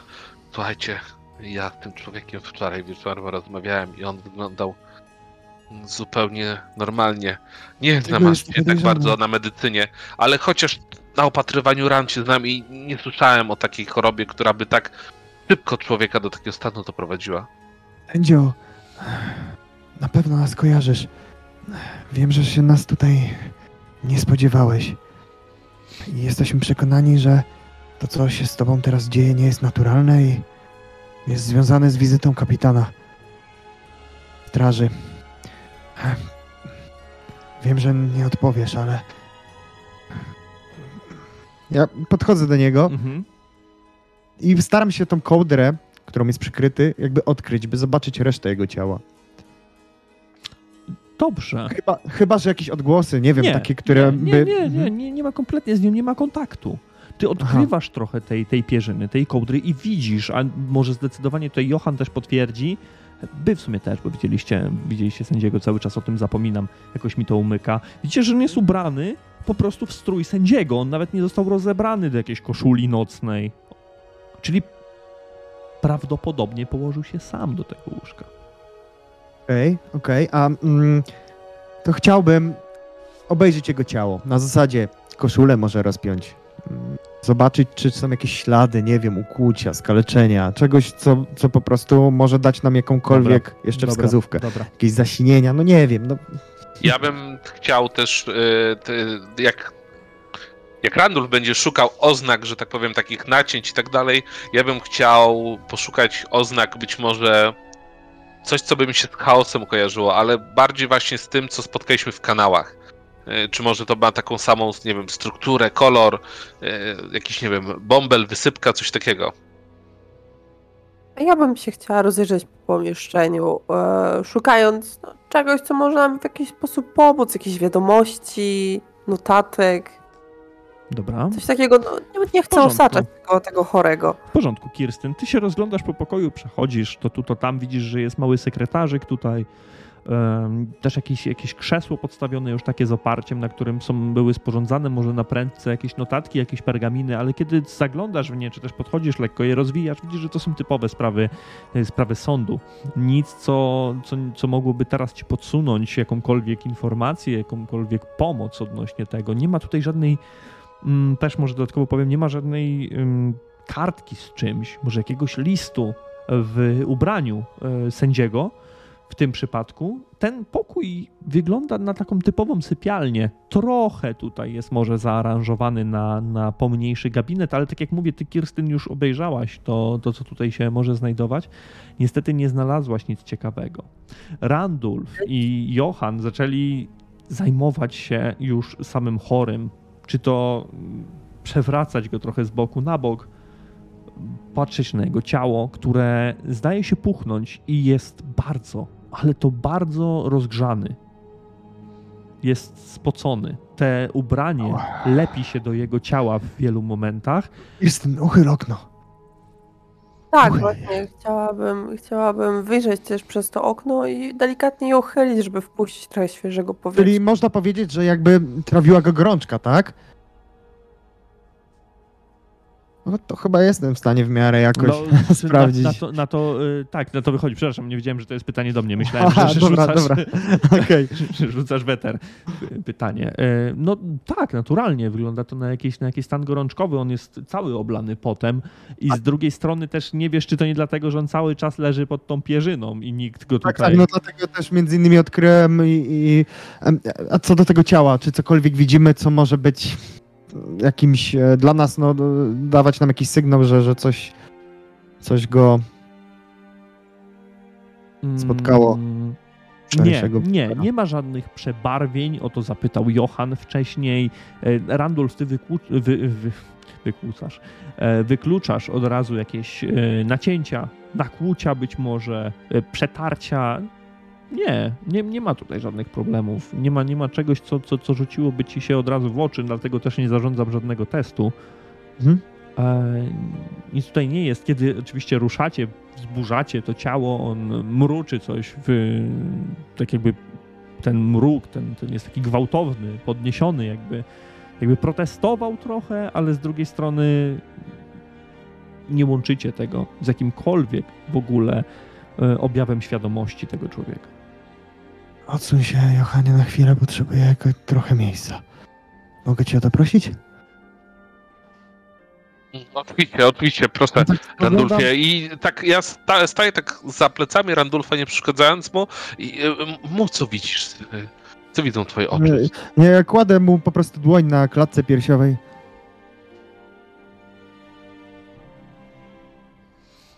Zdejmij z tego człowieka to, co zostało na niego nałożone. I chciałbym rzucić e, błogosławieństwo mm, nieustępliwości. Jakby mm, ono usuwa jeden stan. Nie wiem, tu jest troszeczkę tak bardziej na czuja to robione, ale może. Dobrze. E, powiedz, jak to wygląda metagamingowo. No generalnie kładę mu dłoń na, na klatce piersiowej. Nie, nie, Mm, mecha, na- mechanicznie jak to wygląda, na, na czym to polega? Mówisz, Aha, to zdejmuje bo- jeden stan, tak? Okej. E, Tak, tak. E, W porządku, dobra. E, Czy to rzucasz jako test w tym momencie? Tak, tak, to jest Proszę test e, bardzo. modlitwy.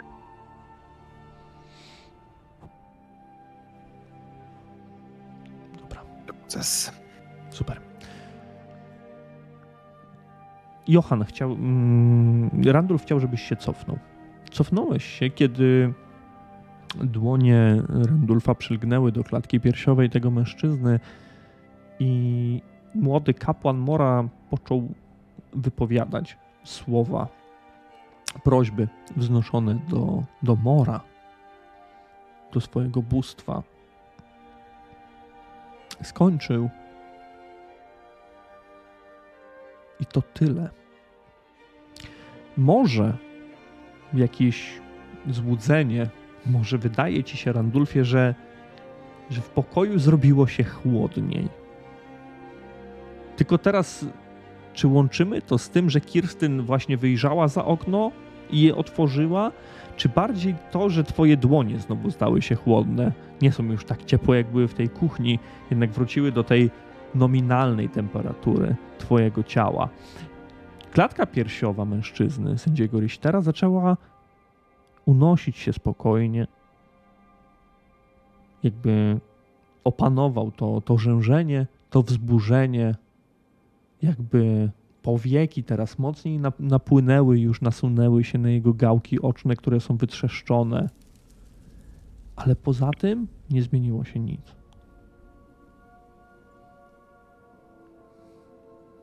I Co? Widzisz, Randulfie? Co powiesz?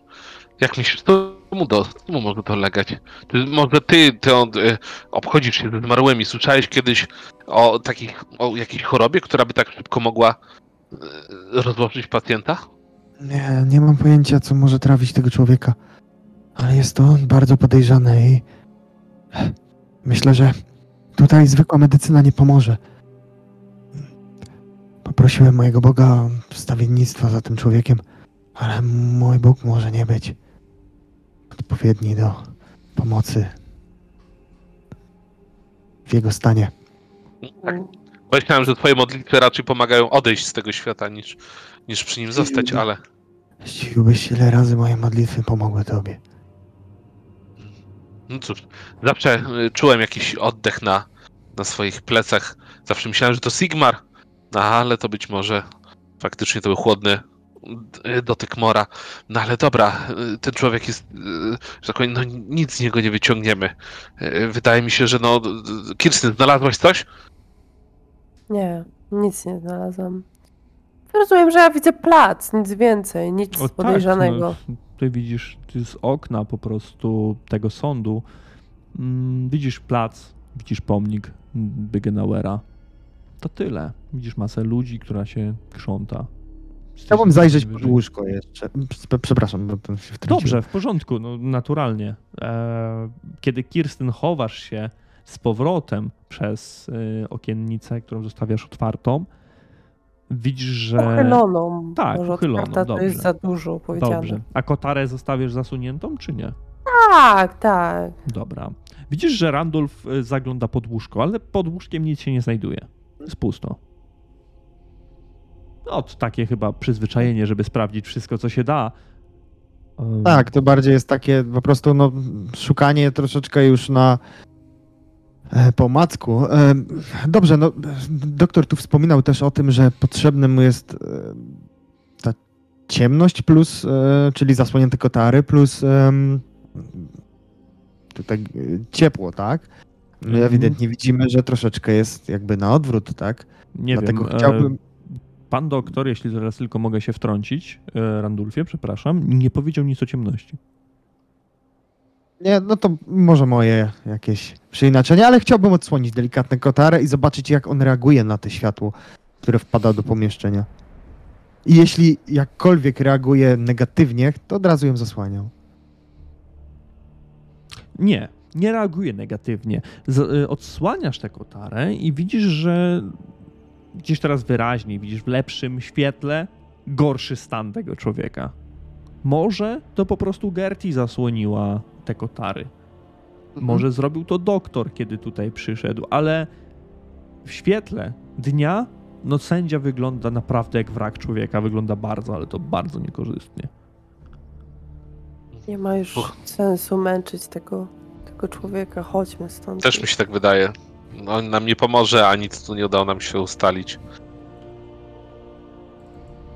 Dobrze. Ja bym chciał wyjść i podejść do, do Gerti. Pani Gerti, no O. niestety. Niestety. E, cóż, nie, niestety. E, Boże, czekajcie, czekajcie. Hans. Hans, e, czuję się gorzej niż zakładaliśmy. No nawet nie byliśmy w stanie się z nim porozumieć, czy coś, coś mu trzeba. E, Mam do pani prośbę. Jeżeli e, stan by się zmienił, jest pani w stanie poinformować nas? Zatrzymaliśmy się w karczmie koniec podróży. Byśmy Tak. byli wdzięczni za informację, jeżeli coś się zmieni. Oczywiście. Trochę się martwię, bo. Bo Dlaczego się pani no, martwi? Bo Reinhold to najlepszy lekarz, jakiego znam. I, I ja skoro- tutaj się wtrącam, jakby jeszcze nie wychodząc z pomieszczenia, ale słysząc rozmowę i dopiero teraz podchodzę tutaj do, do, do tego, przed, tego przedpokoju. Gerti, a może spróbować pomocy kapłanek Szali? Kto wie, co trawi sędziego? Czasem konwencjonalna medycyna zawodzi z tym, co mają do zaoferowania. Słudzy Boży. Może, może i tak, może, może i warto zapytać. No jak A najszybciej. wy, Nie zapytać, posłać. wy nie jesteście z Byggenhafen, prawda? Czy, czy jesteście? Nie. Bo Nie, nie, nie, nie, nie. nie widziałam was wcześniej. A mówicie, że jesteście przyjaciółmi sędziego, więc. Zjawiliśmy się tutaj z okazji święta i też A. przy okazji, żeby odwiedzić naszego, naszego starego przyjaciela. To, to może jak jesteście tacy światowi, to, to może, może wy znacie jakiegoś medyka, lekarza. Może... Mhm. No, jedyne, co mi przychodzi do głowy, to Faldorfie, ale to y, nie chcę być y, bardzo takim, no, nie chcę cię dołować, ale może to być za późno, żeby kogoś ściągnąć z Faldorfu y, dla, Myślę- dla Hansa. Ale Mhm. myślę, że tutaj kapłanki Szali mogą tylko pomóc, a nie zaszkodzić. Tak, to na pewno. Zgadzam się tu z moją towarzyszką. Droga Ale- Ge- Getri, Ale uchyliłam nie z- okno jeszcze, żeby sędzia trochę świeżego powietrza mógł zaczerpnąć. I jeszcze jest druga sprawa. Tak, tak? Spróbuj wezwać innego medyka z miasta.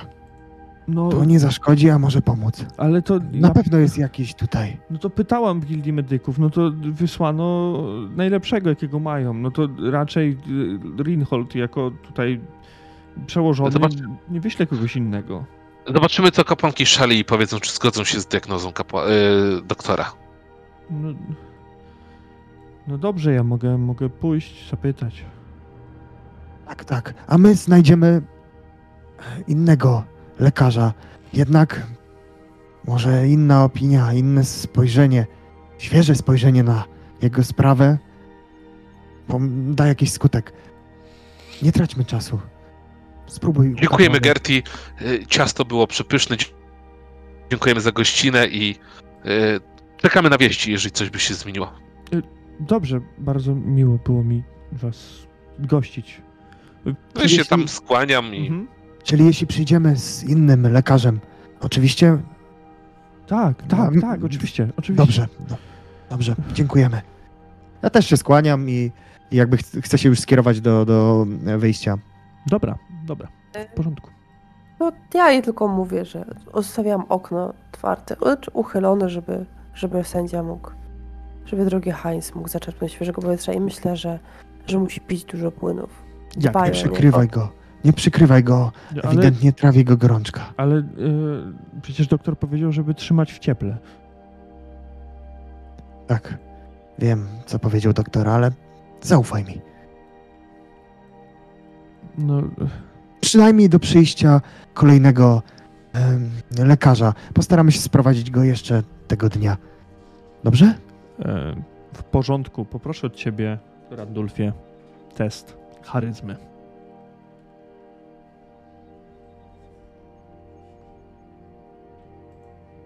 Ja chcę przerzucić to. Dobra. W porządku, mamy tutaj niezdany test, minus jeden. No niestety, jeszcze gorzej. Kobieta naturalnie e, kiwa głową, oczywiście, ale wiesz, że nie jesteś dla niej autorytetem. żadnym Autorytet, medycznym. oczywiście. I to, co ona zrobi, no to już tutaj na dwoje babka wróżyła. Ona was żegna, kiedy wychodzicie znowu na korytarz mm, drugiego piętra gmachu sądu. Widzicie, że ten mężczyzna, Franz, który w, no, wciąż na was czeka. Czeka, następnie sprowadza was na dół jedną klatką schodową, potem tymi e, łukowatymi schodami, praktycznie pod wyjście. Następnie skłania się wam i odchodzi do, do tej wyspy, do tej istnej recepcji. Ja ner- nerwowo zaczynam chodzić w tom i z powrotem. Kurwa. poczekaj, Randulfie, może nie tutaj. Chodź, wyjdźmy stąd i wtedy pogadajmy. Tak, tak, tak, chodźmy, jestem zdenerwowany. Y, Chodźmy. No i gdzieś jak jest jeszcze Schaffenfest trwa, no to wydaje mi się, że możemy zna- ja bym chciał znaleźć jakiś namiot, y, właśnie zamówić nam każdemu po, po, po kuflu piwa i usiąść gdzieś tam trochę z, bardziej z dala od, od, od y, innych, żebyśmy sobie spokojnie Czyli pogadali. wracacie na Schaffenfest, rozumiem.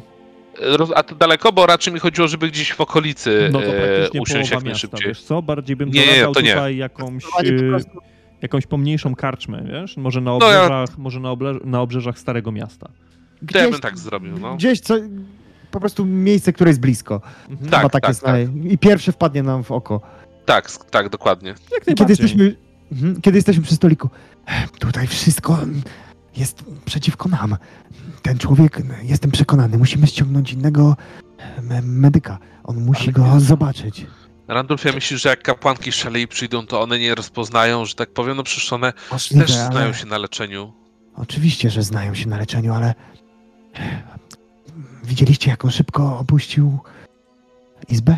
Przecież to nie było naturalne. Ja nie wiem, Randulfie, mi się wydaje, że po prostu facet się spieszył i to, to Nie, tak to nie jak wygląda. mówił, to Tak, Nie. i trawiła go gorączka. Widziałeś, jaka gorączka go trawiła? On kazał trzymać zam zamknięte okno. W... może wypocić chorobę. No cóż, zawsze możemy znaleźć innego lekarza, jeżeli chcesz, ale y, no wydaje mi się, że to będzie, że to, że to nie jest to. Ale jak, jeżeli bardzo chcesz, Randulfie, to, to możemy to zrobić.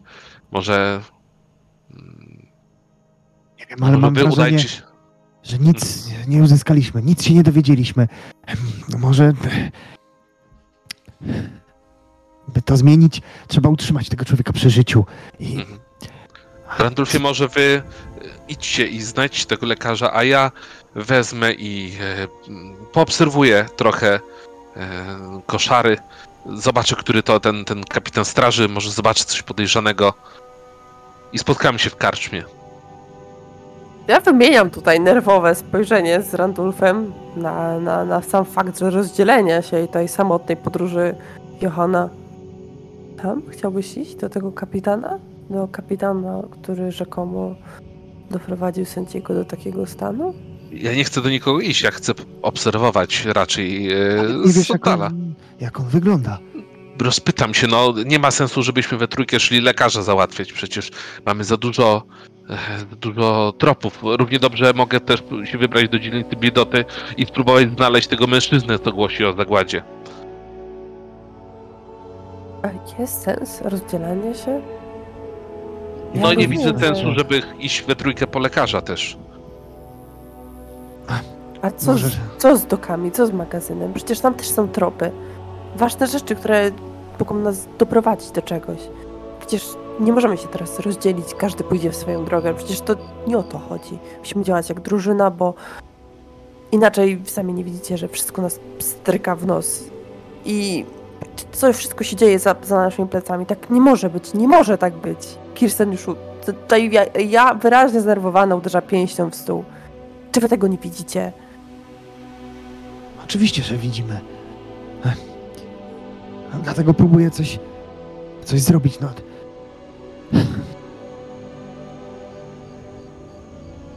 Dobrze, dobrze. To więc, Kirsten, jaki ty masz plan? Jak widzisz tą sytuację? Trzeba postanowić coś razem, a nie każdy osobno. Cóż, no. Może nie jest to głupi pomysł z tym, z tym lekarzem. No, On dowiedzielibyśmy się. Może ktoś inny. A co? Jeśli ten człowiek też macza w tym palce. Tu jest zbyt Może- wiele. Może i warto pójść do medyków. Tylko. Czy, czy jest sens szukać tego, tego fałszywego proroka, tego zwiastuna końca No to- świata? To zrób, to wyjdźcie do doków, a ja pójdę do medyka. No nie ma sensu, żebyśmy do medyka szli we, we trójkę, jeżeli mamy, że tak powiem, dużo spraw do załatwienia. Y, Tak. Jedna rzecz w waszą stronę będę prosił y, o test inteligencji. Każdego z was.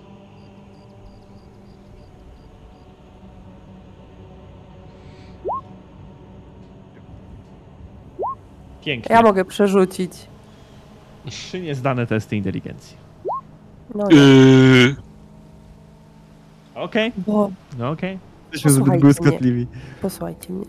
Tutaj ci szlachetkowie, tutaj coś ewidentnie nie pasuje, a im dłużej będziemy się kręcić wokół innych rzeczy, tym mniej możemy znaleźć w, tych maga- w tym magazynie. To jest no nieprawdopodobne, przecież byliśmy wszyscy w kanałach, widzieliśmy co tam się stało. No i ten strachulec, to ja już mówię cicho.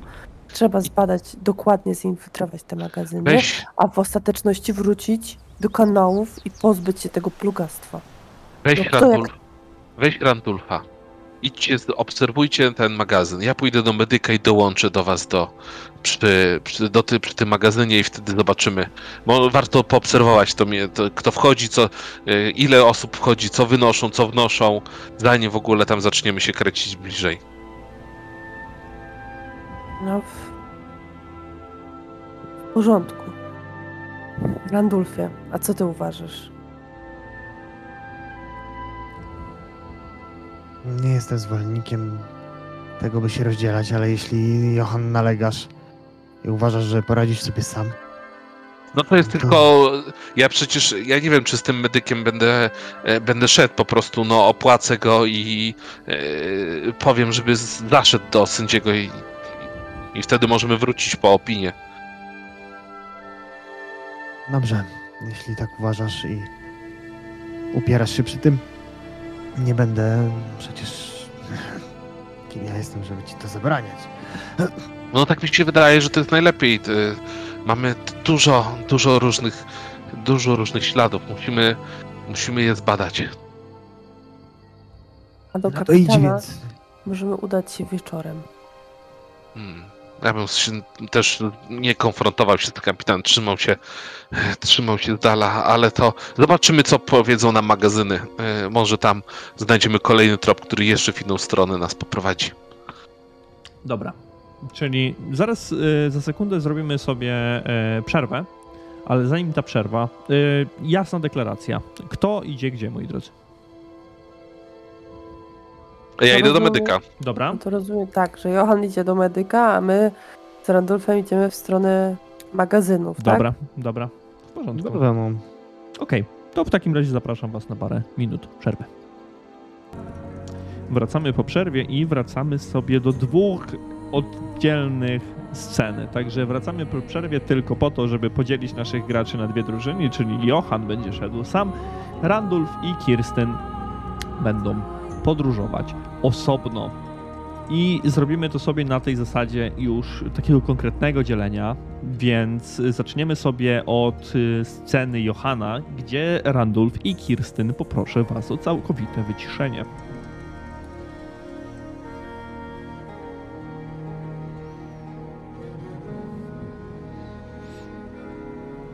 Ja teraz spojrzę, czy są, czy nie ma. Nie, nie ma ich. E, Johan, najważniejsze pytanie dla ciebie. Gdzie ty idziesz? Ja idę faktycznie do tego medyka.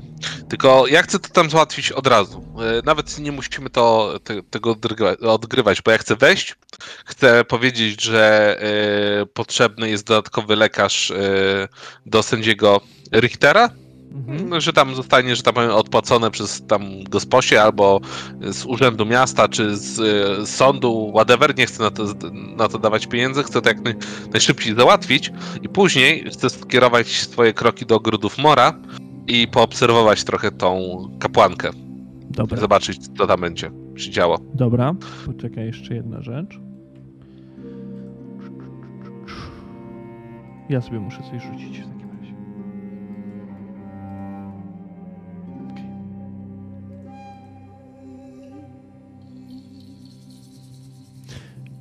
Poruszasz się przez miasto tak, aby twoi współtowarzysze ciebie nie zauważyli. Wiesz doskonale o tym, że musisz przejść przez kawał miasta, potem wyjść bramą wschodnią przez e, Schaffenfest i udać się na północ do ogrodów Mora. Wchodzisz na terytorium tego przybytku, nazwijmy to prosto, wchodzisz na terytorium cmentarza. Tutaj znowu unosi się ta dziwna mgła. Mgła, która otula groby, mogiły, kurhany, te zarówno imienne, jak i zbiorowe. Także krypty, na które mogą sobie pozwolić bogatsi. Przechadzasz się pośród tych krzewów, małych, skarłowaciałych drzew, porastających ogrody mora.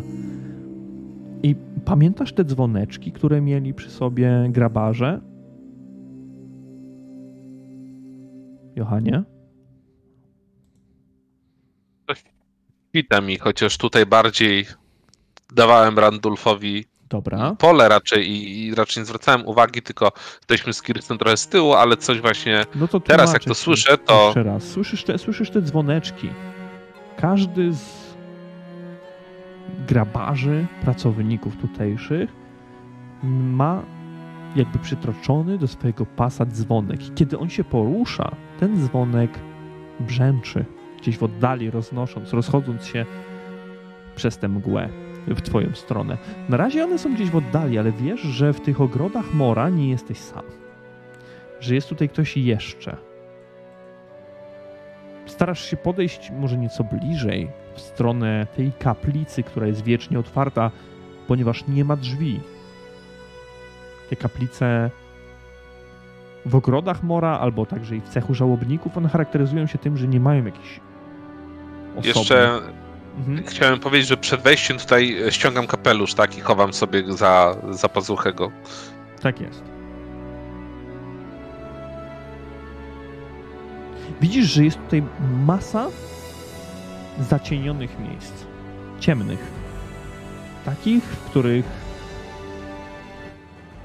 światło słoneczne zdaje się nie docierać. Ale nigdzie nie widzisz arcykapłanki Mora. Mhm. No dobra, y, powiem tak, chciałbym się tutaj tak pobieżnie rozejrzeć, jeżeli nie widzę arcykapłanki, nie będę mógł jej nigdzie znaleźć, y, no to zwyczajnie wracam do, y, do tego magazynu tam się, gdzie umówiłem z towarzyszami. Dobra. W porządku. Jeszcze jedną rzecz tylko muszę ci powiedzieć.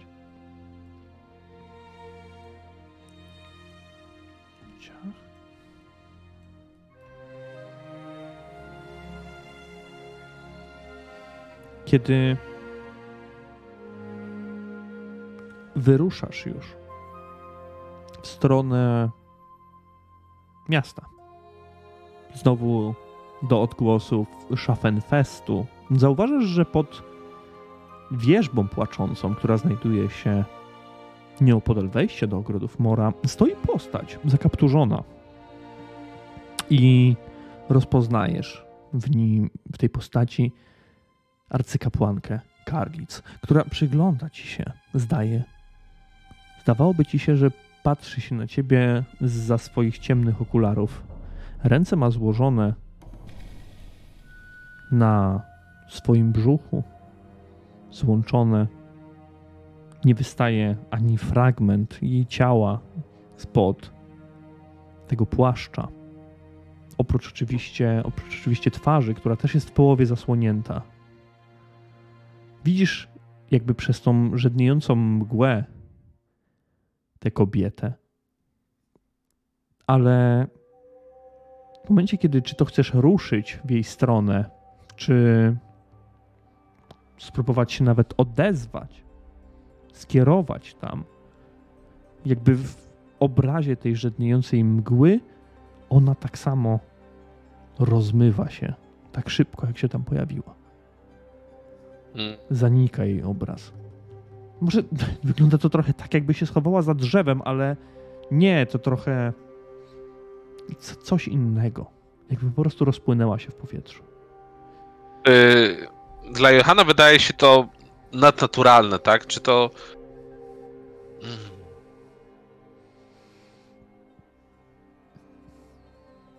Hmm? Dobra. Mam już u Johana w głowie powoli zaczyna kiełkować jakiś pomysł, bo ona jest kapłanką Mora. Czy tego chce ja, Johan przyznać, czy nie, to często w towarzystwie e, Randulfa czuł takie mrowienie na plecach. Tutaj na poziomie meta chodzi wtedy, kiedy otrzymywał to błogosławieństwo. Tak. E, więc być może, jako że to jest arcykapłanka, więc jest na tym najwyższym kręgu wtajemniczenia, może zna też jakieś modlitwy do Mora, które pozwalają jej właśnie bardziej lub mniej niepostrzeżenie zniknąć. Może to jest wytłumaczenie, może to nie być wcale, wcale wina chaosu, ale to na pewno nie jest normalne, że tak powiem, zniknięcie, że po prostu mgła przysłoniła ją i i on, była tak gęsta, że ją straciłem z oczu i tyle, tak? Widać było, że ona w nadnaturalny sposób się rozpłynęła w cudzysłowie, tak? Mhm, dokładnie tak. Bo No dobra, nie, nie, ja bym chciał- nie dostałeś jakiejś pomroczności. Cały czas patrzyłeś się w to miejsce. Chciałbym tam podejść tylko, w, e, rozejrzeć się jeszcze mm, w to miejsce, gdzie ona przed chwilą stała, gdzie zniknęła, e, rozejrzeć czy, czy, ten, czy na drzewo, czy, czy na inną okolicę i jeżeli faktycznie nic więcej nie dostrzegę, no to ruszam mm, w, ruszam po prostu w kierunku doków, tak jak się umówiłem z towarzyszami. Dobrze, podchodzisz do tej wierzby i delikatny szum, ruch wiatru powoduje wzruszenie tych liści, które jakby po ostatniej jesieni w ogóle nie, może nie obumarły tutaj, nie spadły. Jest wiosna, a ty widzisz, że życie jakby tych ogrodach mora się zatrzymało. Może to jakaś metafora, może tak to po prostu tak to po prostu wygląda. Ale spoglądasz w dół, widzisz odcisk odciski, ślady butów.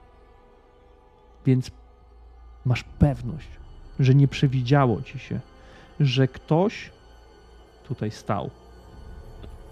I prowadzą, po prostu one są i ich nie ma, tak? Nie ma żadnych śladów prowadzących prawo, w lewo, na górę i cokolwiek. Nie, nie ma nic. Dobra. No dobrze, w takim razie e, biorę i wracam do, do doków.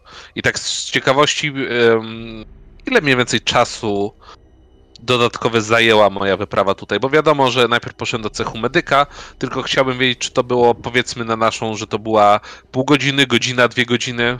No, wydaje mi się, że na całość, jeszcze na powrót do tego, do tego Mhm. magazynu na pewno e, stracisz około godziny łącznie. Okej, dobra. To ja już wszystko wiem, więc, e, że tak powiem, z mojej strony to wszystko.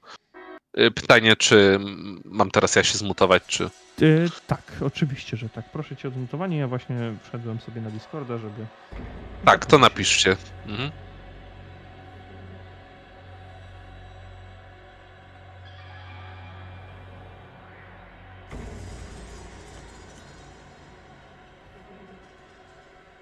Dobra. Jesteście? Tak, ja jestem. Tak, tak. Dobra, moi drodzy. A was zaproszę do magazynu, tak? Znaczy, Wiesz co, chcielibyśmy po drodze Dobrze. jednak zahaczyć. Tutaj ja nie do końca. E, mam wrażenie, że Gerti była strasznie tutaj e, nastawiona na tą medycynę konwencjonalną i jednak chyba chcielibyśmy udać się tu do kapłanek Szali, prosząc je e, i tutaj objaśniając, jakim, jaką tutaj piastuje pozycję też e, Richter, o pomoc, tak? Że, że podejrzewamy, że trawi go coś bardziej poważnego niż tylko choroba i że ich wiedza może, może pomóc. Może pomóc i jak najbardziej no, prawdopodobnie wszelkie koszta z tym związane e, również odsyłamy po stronie O. sędziego. A my na pewno będziemy chcieli no, dać datek na, na, Tak, tak, gdzieś na, tutaj na wrzucić tam do, do misy czy, czy do koszyka. zachęcić troszeczkę gdzieś tutaj, żeby jednak kogoś wysłały, że to jest ważna sprawa i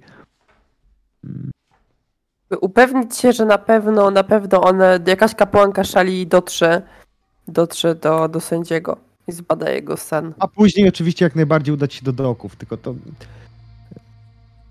nie wiem na ile nam się szybko tą sprawę uda tutaj pierwszą załatwić.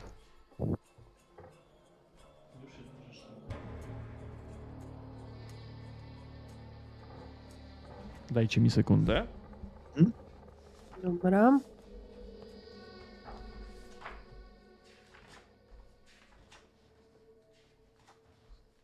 Randulfie, powiedz mi, czy są jakieś e, talenty, których nie wykupowałeś na swojej profesji? E, tak, mm, to jest ten talent, który pozwala ci wróżbę losu em, tutaj dostrzec. E, Ale chodzi ci o no, pierwszą profesję, tak? To zdecydowanie ten. Pamiętam. Może on się nawet nazywał wróżba losu.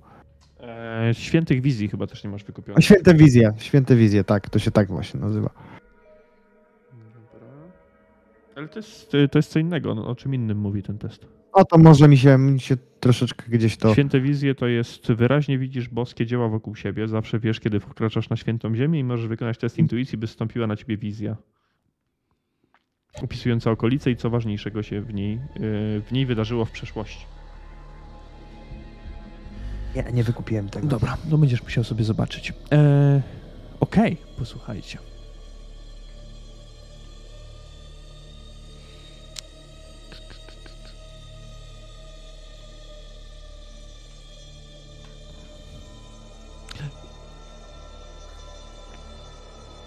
Jeszcze jedna rzecz.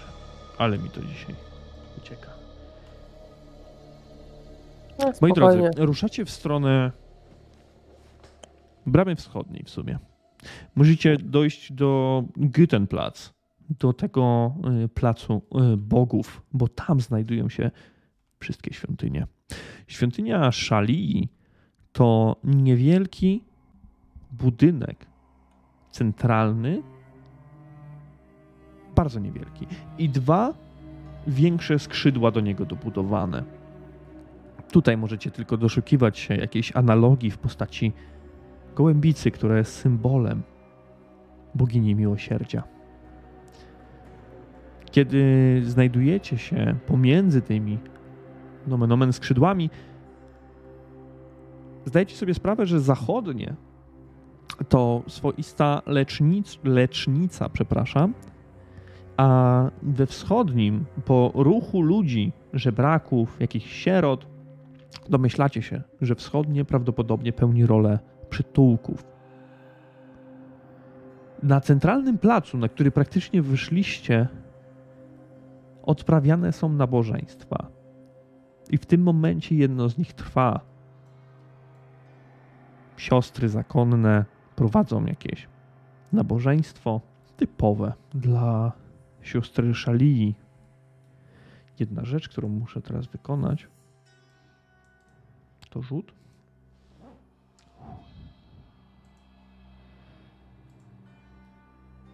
Zauważacie, że nabożeństwo. Tak, przyglądacie się nabożeństwo. Prowadzone jest przez kobietę, może nie dość tęgą, ale dobrze zbudowaną. I ubraną w białe szaty, nieco zdobione. I na tych szatach są wy, wyhaftowane złotym, złotymi nićmi symbole szalii, czyli jest ta gołębica. Randolph, ty od razu wiesz, że albo masz szczęście do spotykania kapłanek, albo nawet arcykapłanek, bo ta kobieta na pewno pełni bardzo wysoką funkcję w tym zakonie. Jeśli należy kogoś zapytać, to z pewnością, z pewnością ją. Pozostałe kobiety, które tutaj biorą udział w tym nabożeństwie, zdajecie sobie sprawę z tego, że wyglądają zdecydowanie mniej okazale. Ba, one nie mają białych szat. Najczęściej są to szaty szare, albo nawet takie, które popadają w czerń. Nawet niektóre z tych kobiet mają na głowach kapelusze i ich twarze przysłonięte są. Mm, wypadło mi słowo, to się nazywa woal, tak? To jest żałobne. Żałobna taka przesłonka nad twarzą. Stajecie nieco z boku, ponieważ ym, cała świątynia jest teraz wpatrzona, cała świątynia, jeśli mówię o ludziach, jest wpatrzona w to nabożeństwo. Tak samo ci biedni, bezdomni, którzy krzątają się gdzieś tam po boku, obok tego przytułku, także zatrzymują się, czy to nawet pochylają się trochę. Widzicie, że ktoś klęczy, modli się również. I to trwa przez ładnych parę, może paręnaście minut. Kiedy nabożeństwo się kończy i kobieta rozmawia jeszcze przez chwilę z innymi, a następnie każdy zdaje się rozchodzić do swoich obowiązków i wy możecie wkroczyć na scenę. W takim razie ja bym nawet chciała podciągnąć trochę Randulfa w tamtą stronę, w stronę tej, tej kobiety, no bo na pewno zwróciłam uwagę też na, na jej szatę. Wydaje mi się, że no moje wychowanie e, też musiało mnie obeznać z, z szatami duchownych. Więc może, no na, że mogę sobie zdawać sprawę, że, że jest, to, jest to kapłanka wysoko postawiona. Być może nawet sama arcykapłanka. W porządku. E, Ruszacie w tamtą stronę. Kobieta ogląda się na was. Hmm, Robi to automatycznie, kiedy słyszy kroki zbliżające się do niej. Pierwsze co, o dziwo, spogląda na, na Randulfa, który w czarnej szacie kapłana Mora mm, zdecydowanie wybija się tutaj przed szereg, jeśli chodzi o ubiór, ale to Kirstyn jest pierwsza do mówienia czegoś. Kobieta składa ręce, splata palce ze sobą, uśmiecha się do was serdecznie. Kłaniam się bardzo, bardzo nisko, niemalże e, kucykami zahaczając e, o ziemię. Ja oczywiście pozdrawiam ją e, tutaj akurat no moryckim tutaj symbolem i, i po prostu przejeżdżam dłonią przez swoją twarz. Mhm. I miałem wrażenie, że tutaj Kirsten chciała mówić, więc jednak da, oddaję jej e, jakby tą pałeczkę pierwszeństwa. Nie trzeba się tak pochylać, drogie dziecko. W końcu i tak wszyscy jesteśmy równi.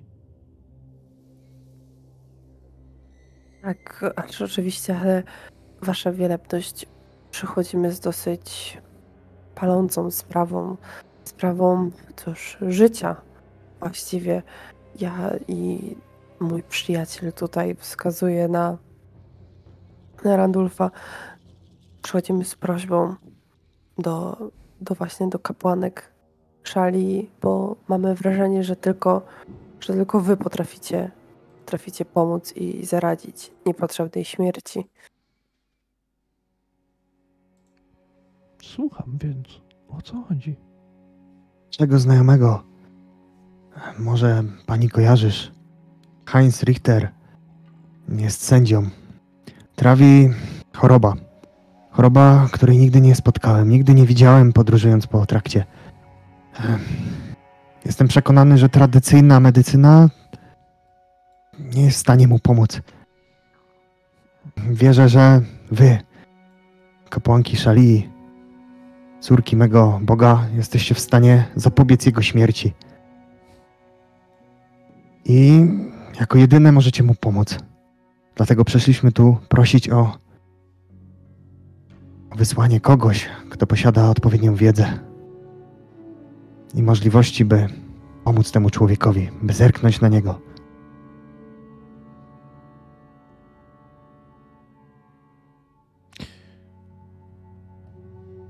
Muszę.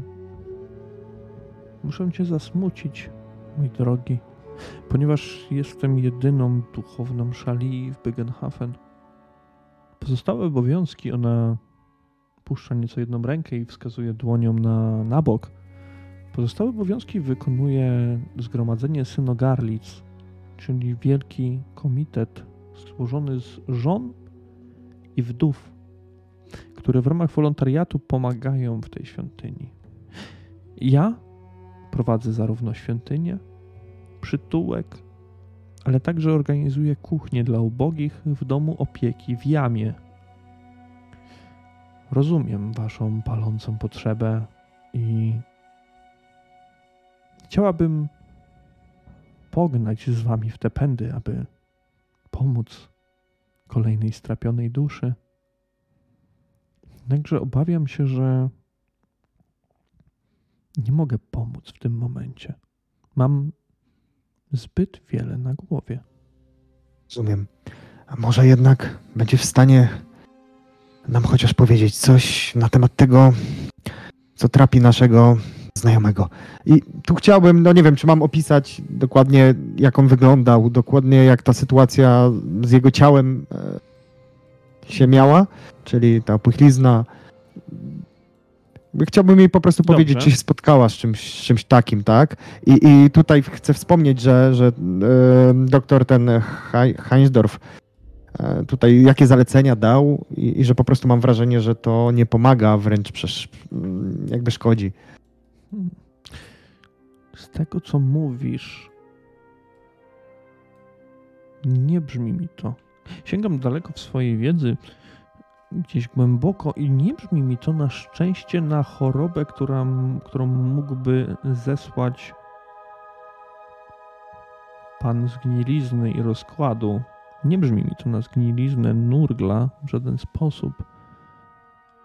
Chociaż mogłabym temu zaradzić, ale to, co opisujesz, brzmi jak dziwny rodzaj gorączki.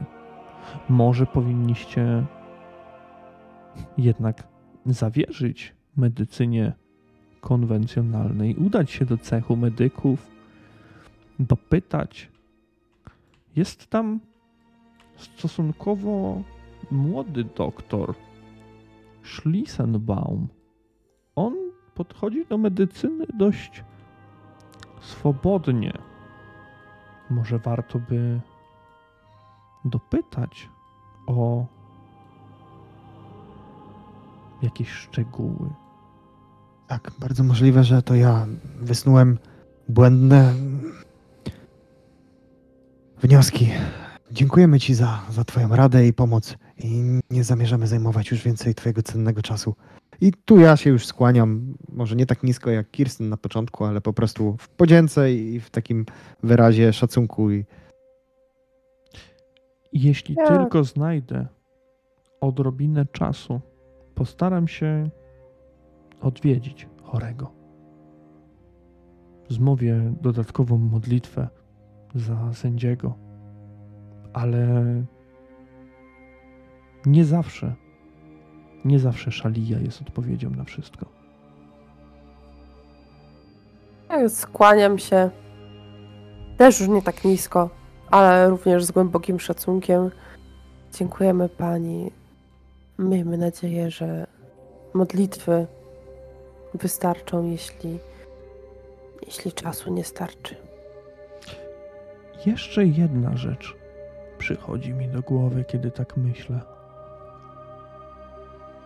I ja tutaj rzuciłem jedynkę na, na wasze szczęście, tak jakby, więc yy, powiem wam nieco więcej, co ona, co ona wie. Nie dość, że ona tutaj jest w ogóle, to to, że może wam powiedzieć. Radziłabym poszukać co nieco być może w świątyni Wereny na różne tego typu tematy. I często przebywam w jamie. Nie bywam może w cechu medyków w żaden sposób, ale o ile pamięć mnie nie myli, dwa lata temu, może przeszło dwa lata temu, na taką samą chorobę, którą opisujecie, taką samą chorobę, taka sama choroba toczyła Karla Teugena. Karl Teugen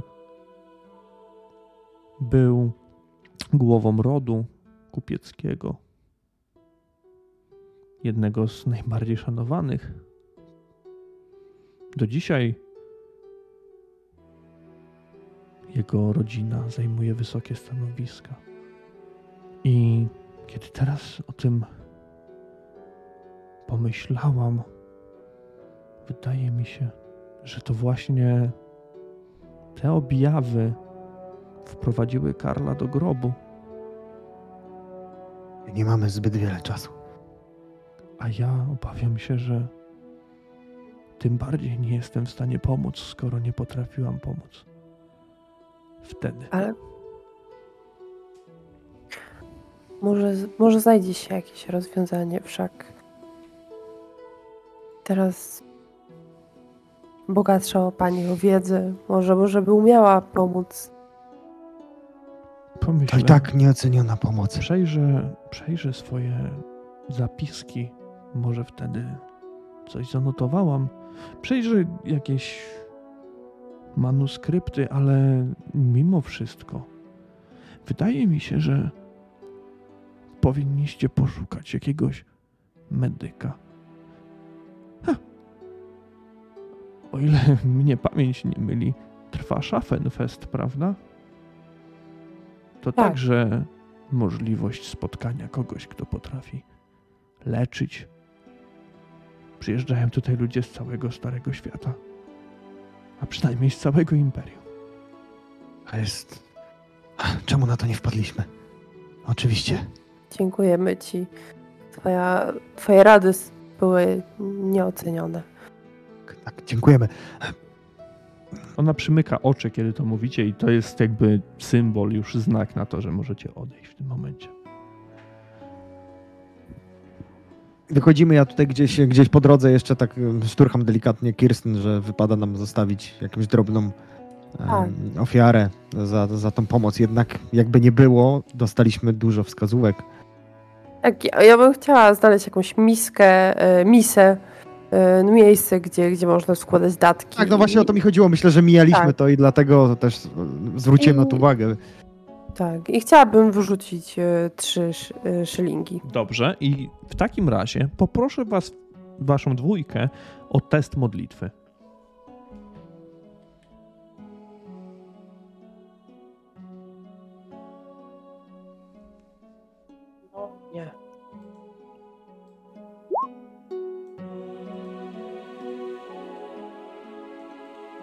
Dobra, Randulf, pięknie.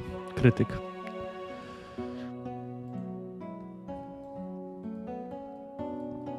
Chwilka.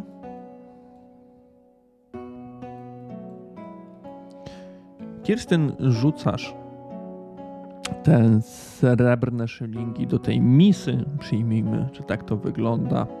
Misy, która jest ozdobiona właśnie kolejny raz gołębicą wyciosaną w kamieniu. Kiedy pierwsza moneta uderza o tą kamienną misę, Randulf słyszysz w swojej głowie, gdzieś głęboko w oddali, w tle, głos kobiety, spokojny, ciepły, miły. I to jest tylko jedno zdanie, które słyszysz. Ono gdzieś niknie w tle. Chciwość to choroba która skaziła samo serce imperium. I temu głosowi wtóruje inny, męski, głęboki głos. Głos, którego nie spodziewałeś się tutaj w ogóle słyszeć, ale możesz go utożsamiać jedynie swo- swoim bóstwem, jedynie z morem. Ci, którzy szukają bogactw, sprowadzają tylko śmierć tutaj nikt nie przeżyje. Dwa zdania,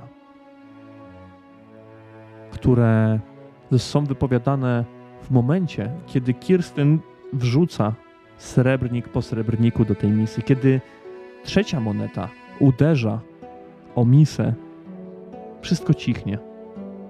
Ja padam na kolana. Padam na kolana i tak się sk- skulam wręcz. Mhm. Dobrze zrobiliśmy. Dziękuję. I, I wstaję, i wstaję. Od razu praktycznie wstaję, bo wiem, że czas nas goni. Jakby, Jakby- jakby nikt nie zwrócił na to uwagi.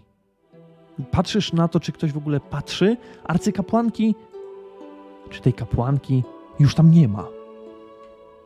Nie stoi już, więc nie widziała prawdopodobnie tego. Jest tylko Kirstyn. Kirstyn zauważyłaś, że Randulf tak szybko jak stał, tak upadł i znowu stoi, znowu się podnosi z kolan.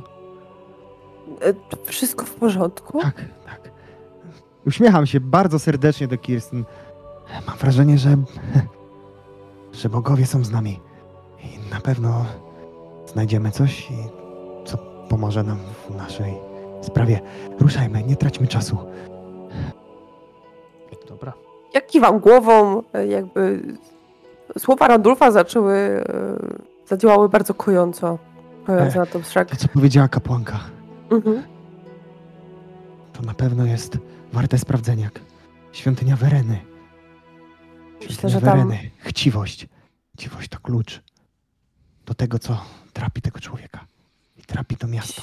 być, może jakieś zapiski prawne od, odnośnie bogactwa albo fałszywego wzbogacania się.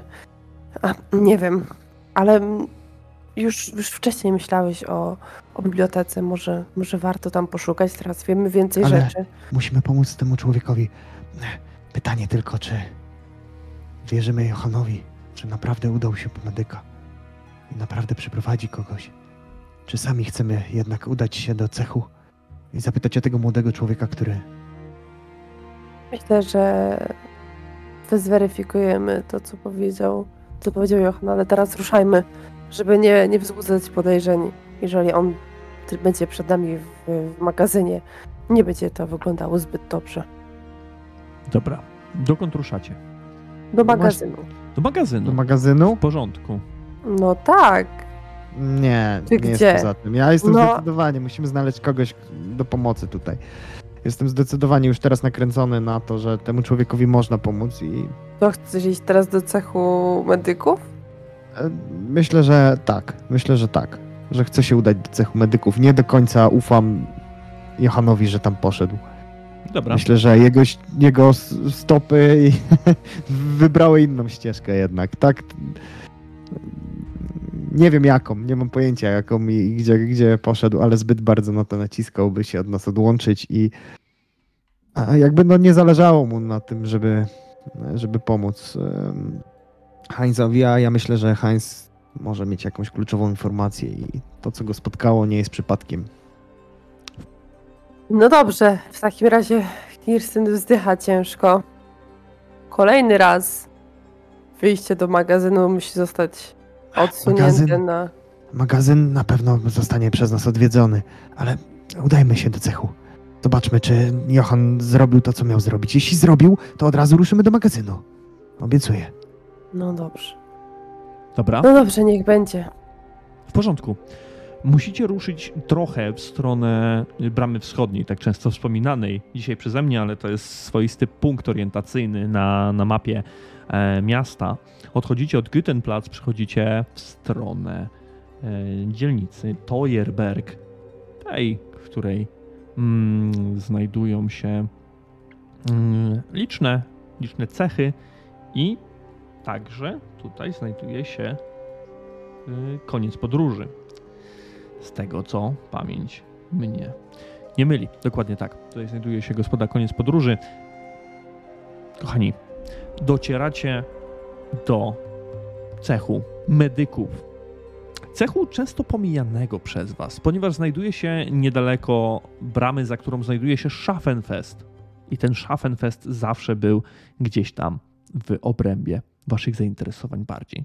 Kwatera ta przypomina bardziej luksusową rezydencję niż budynek biurowy, czy też budynek, w którym się leczy kogoś sensu stricte. Dekoracyjne fryzy na drzwiach budują istną mozaikę, a tu i ówdzie można zobaczyć dyskretne symbole szali i wereny połączone ze sobą w bardzo ładny sposób, pieczołowicie wykonany. Drzwi nikt nie pilnuje. Można do nich, e, można je pchnąć, wejść do środka, co robią też inni ludzie, którzy tutaj wchodzą, zarówno ci bardziej sytuowani, wyglądający może na jakichś medyków, chociaż nie, ci pewnie siedzą teraz w środku. Prawdopodobnie jest to ktoś, kto potrzebuje pomocy albo przychodzi po jakieś, po jakieś pytanie. Wchodząc do środka, widzicie całkowicie inny obraz. Widzicie, że znajdują się tutaj także jakieś pokoje boczne, schody na górę, e, wyższe piętra. Na pewno z tych wyższych pięter słyszycie gwar rozmów, może jakieś podniesione głosy, ktoś coś krzyczy.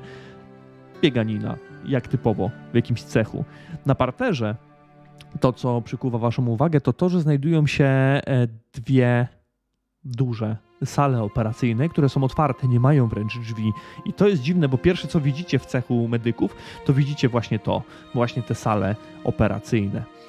Eee, wyłożone są kafelkami, jeśli tak mamy być szczegółowi, eee, zaopatrzone w system różnych bloczków, lin do przeprowadzania różnych operacji, często amputacji. Dodatkowo posiadają one, przyciszę sobie troszeczkę, posiadają one także rury odprowadzające krew i pozostałości po leczeniu, które spływają bezpośrednio do kanałów. Od razu to widzicie i czujecie, bo w wasze nozdrza uderza ten metaliczny zapach krwi, który czuliście kanałach. Jest tam jakiś adept, yy, albo no kto, jakiś uczeń, tak? Ktoś, kto, kto generalnie na pewno jest, jest yy, osobą, która no, może znać osobistości lekarzy, medyków. Oczywiście, oczywiście tutaj jest pełno takich osób, które się przewijają w tej z powrotem e, i zaczepienie takiej osoby to nie jest w ogóle e, żaden problem dla was. E, robicie Dobrze. to. E, tak, słucham. E, jakaś operacja, coś z czymś pomóc, doradzić? Dzień, dzień dobry. Przechodzimy tutaj w, w prywatnej sprawie do, do doktora Schlissenbauna. Czy Do cechmistrza? E, no, ciężko tak bez wcześniejszego umówienia się na, na tu rozmowę. chodzi, tu chodzi o życie, o życie sędziego, sędzie- sędziego Hansa Richtera. E, Sędziego Heinza. Iś- A, tak, tą sprawą zajmuje się e, doktor Reinhold Heichdorn. Tak, aczkolwiek e, choroba jest dosyć nietypowa, jesteśmy jego, jesteśmy jego przyjaciółmi. Chcielibyśmy jeszcze zweryfikować to przez... przez e, Konsultować bardziej, po prostu. Tak, tak, może źle to chwilę doktorowi. To może ja, ja poproszę po doktora e, Reinholda i z nim państwo s- przedyskutujecie. Nie, wolelibyśmy to prze, przedyskutować z doktorem Schlissenbaunem. E, d- Dobrze, w porządku. Ja pójdę i zapytam o wolne terminy. E, Pozwolą państwo. Odchodźmy Przepraszam, przepraszam, ja Tak? zatrzymuję jeszcze. Tak? A czy był tutaj może łowca czarownic? E, Niedawno jakoś charakterystyczny kapelusz. Ciężko przeoczyć. E, To śmieszne, bo w sumie są państwo e, drugimi osobami, które przychodzą tutaj w przeciągu może niecałej godziny i pytają o doktora, e, który miałby pomóc mm, sędziemu Richterowi. Ale tamten mężczyzna przyszedł tutaj stosunkowo na parę sekund, powiedział, że jest potrzebny e, dodatkowy doktor e, sędziemu Richterowi i poszedł sobie. Powiedzieliśmy o tym y, naszym lekarzom. Doktor Heichdorn powiedział, że on zajmuje się tą sprawą, że był już u y, sędziego Richtera, a potem ten mężczyzna wyszedł. Nie mówił dokąd zmierza. Y, No, nie no, wybaczy pani, ale ja nie pytam, gdzie, gdzie kto... Oczywiście. Oczywiście, jakbyśmy mogli poprosić tutaj o rozmowę, a czy o pytanie, czy doktor e, Schlissenbaum znajdzie dla nas dosłownie chwilę. Y, Długo, długo nie zajmiemy, naprawdę. I kiedy Randulf to wypowiada, mężczyzna skin, skinął tylko głową, "Y, ja zaraz wrócę. Słyszycie od razu, symultanicznie z tym, czy ktoś mówił o doktorze Schlissenbaumie? I Ja widzicie, się odwracam. Mhm. widzicie mężczyznę, który wychodzi z jednej z tych salek operacyjnych i wyciera e, ręce, które są we krwi, w, w ręcznik, jakiś, w jakiś, jakiś materiał po prostu. Widzicie mężczyznę, który ma około 50 być może, trochę roztrzepany, trochę z jednej strony spocony, te włosy są przyklejone wręcz do jego, do jego policzka. E, słucham, e, mam chwilę. W czym mogę pomóc? O, to pan. Jakby ja podchodzę do, do niego, z, myślę, że Kirsten tak troszeczkę też spogląda na nią, żeby się, się ruszyła, E. bo to nas zaskoczyło jakby, że, że udało się go... Krok, krok za Randulfem jestem. Witam panie doktorze, nazywam się e, Randulf Lycyn. E, Mamy taką nietypową prośbę. No, słucham. Potrzebujemy, by spojrzeć na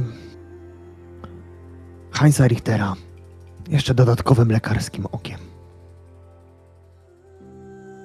E, przepraszam, ale nie bardzo rozumiem, co to znaczy. Z tego co wiem, e, powinniście się Państwo skierować do doktora Reinholda. On zajmuje się sprawą.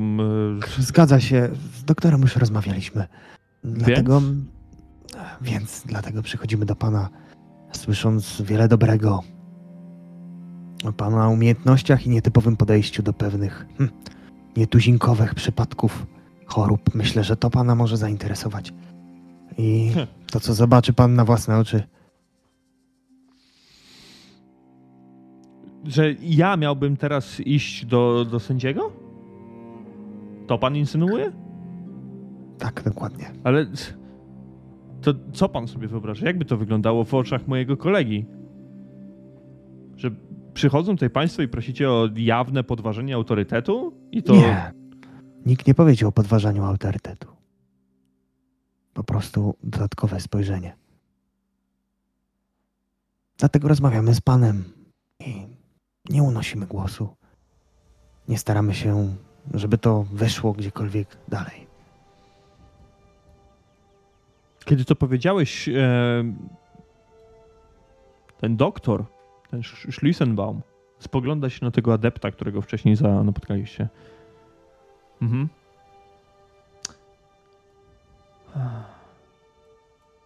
Pomyślę, co da się zrobić.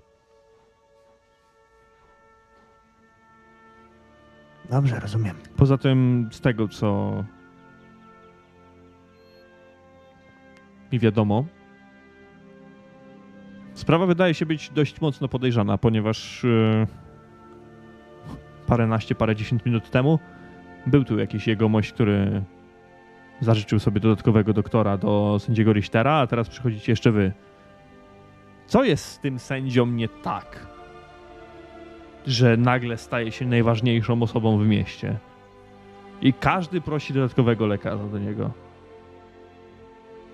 Nie Czy tak? wy ludzie myślicie, że cech medyków to jest jakieś, nie wiem, jak na Schaffenfeście? Że można sobie tutaj przyjść i tylko zażyczyć i każdy sobie pójdzie? Mężczyzna ewidentnie podnosi głos. Ty mówisz spokojnie, ale on aż buzuje już w tym momencie, chociaż w sumie nie powiedziałeś nic takiego, żeby go zdenerwować. Zobaczę, co da się zrobić. Dziękuję. On odchodzi. A ten adept patrzy się na was nieco zmieszany. No, mm,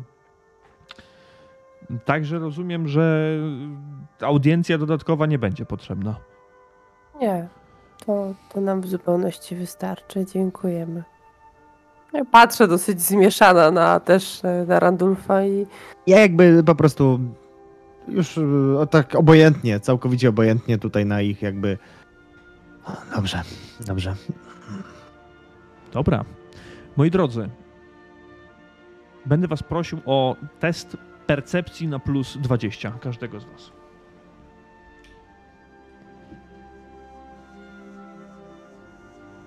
O, w końcu jakiś sukces. Percepcja. Nope. Zdany mimo, że na plus 20. No. I tak czasem bywa. Mm, Poproszę tutaj do nas z powrotem Bucza. i przeskoczymy sobie kawałeczek dalej. Jestem, W jestem. porządku. E, Kirstyn, wszedł ci test percepcji na plus 20 i kiedy wychodzicie z cechu medyków, Kirstyn mimowolnie spoglądasz w lewo, w stronę wschodniej bramy i zauważasz, że tą bramą do miasta w tym momencie wchodzi nikt to inny jak Johann Strauss, który prawdopodobnie powinien być już przy magazynie. Stoję w takim razie z założonymi rękami, wskazując ruchem głowy Randolfowi, kogo widzę. Johan, a ty widzisz, że oni wychodzą z cechu medyków, w którym ty byłeś przecież może paręnaście minut temu. No. I co? Ja y, idę. A jeszcze zanim Johan e, pod, pod, podejdzie do nas na tyle, żeby, żeby mógł usłyszeć, rzucam do Randolfa. Czyli jednak błądził.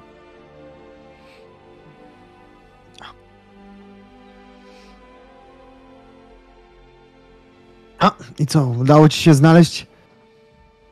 Tak, opłaciłem. Wysłałem dodatkowego medyka do y, sędziego. Ciekawe.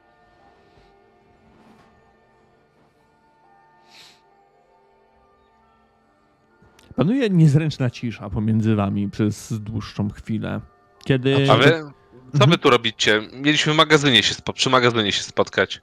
Czekaliśmy, czekaliśmy, nie przychodziłeś. Postanowiliśmy sprawdzić tutaj. Trochę Wiecie. papierów musiałem załatwić. Później za potrzebą poszedłem. W takim razie wracajmy ponownie do magazynu. A więc chodźmy. Mhm. Dobra. Mhm. Standardowo trzymam się z tyłu. I mam pytanko. Proszę. Jak, jak, jak to jest y, według mapy? Na zasadzie, czy będziemy przez Schaffenfest przechodzić? czy raczej nie, nie? Druga, Mhm. w ogóle całkowicie druga strona, bo wy musicie Okej, tak dotrzeć myślałem. do. Na, na brzeże. A Mhm. po prostu musicie dotrzeć do rzeki, która jest po drugiej stronie, nie? Masz mapkę, y, Randolfie, na czwartej stronie w y, handoutach, w razie czego. O, no tak. No tak. Tak. Będzie ci lepiej. No i na, wschod, na, na, na wschodniej, wschodnia brama i ten cały przybytek to jest e, Schaffenfest na wschodzie. Na północ tam jest taka jakby odchodząca, odchodzące są pola i jeszcze wyżej są ogrody Mora. Na południu Bügenhafen macie ten Adelring, tam gdzie mieszkają e, ci najbogatsi, tam gdzie byliście. Po prawej stronie pomiędzy Adelring a mm, murami miasta znajdują się e, między innymi cechy wszelakie e, oraz e, koniec podróży też się tam znajduje. Te w centrum zabudowania, które są takie duże, to są wszelakie świątynie, właśnie sąd, ratusz. Gęsta zabudowa, która znajduje się na północy i przed samą rzeką, to jest to Stare Miasto. Ta trochę rzadsza zabudowa po prawej stronie, takim trójkątem wdziera, wdzierająca się w tą, w tą gęstą zabudowę, trochę, trochę rzadsza, te większe kwartały to, jest, kwartały to jest ta dzielnica rzemieślnicza. No i mamy samą rzekę i nabrzeże. I na tym nabrzeżu dopiero będziecie, mm, dotrzecie do y, magazynu. Mniej więcej wiesz już, Kłapi, jak to wygląda? tak, tak. Dobra. E, czyli rozumiem, że. Mm, a dobra, nie, mało istotne. Mało istotne. I tam macie, macie y, przed samą bramą wschodnią macie y, po prostu tą y, główną arterię komunikacyjną biegnącą przez sam środek y, miasta i na wysokości tego napisu, na, do góry od tego napisu, tam właśnie przy tym kwartale y, znajduje się cech medyków, z którego dopiero co wyszliście. Więc e, na nabrzeże dotrzecie w porze mm, już takiej obiadowej. Na pewno. Ruszacie, rozumiem. Tak. Dobra.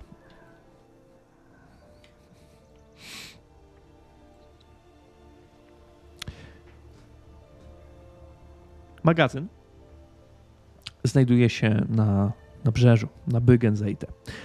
Doki rozciągają się po obu stronach rzeki, obejmując zarówno Ostendam i Westendam, czyli nabrzeże wschodnie i nabrzeże zachodnie.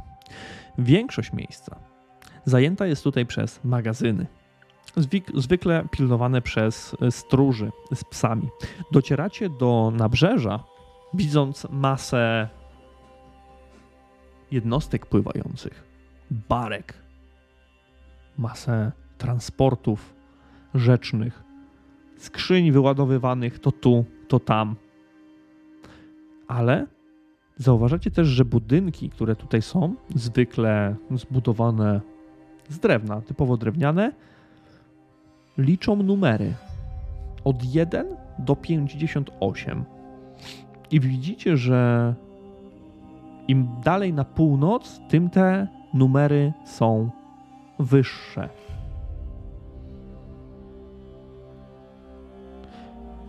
W ciągu dnia, tak jak teraz, doki, jeżeli tak możemy to nazwać, są pełne.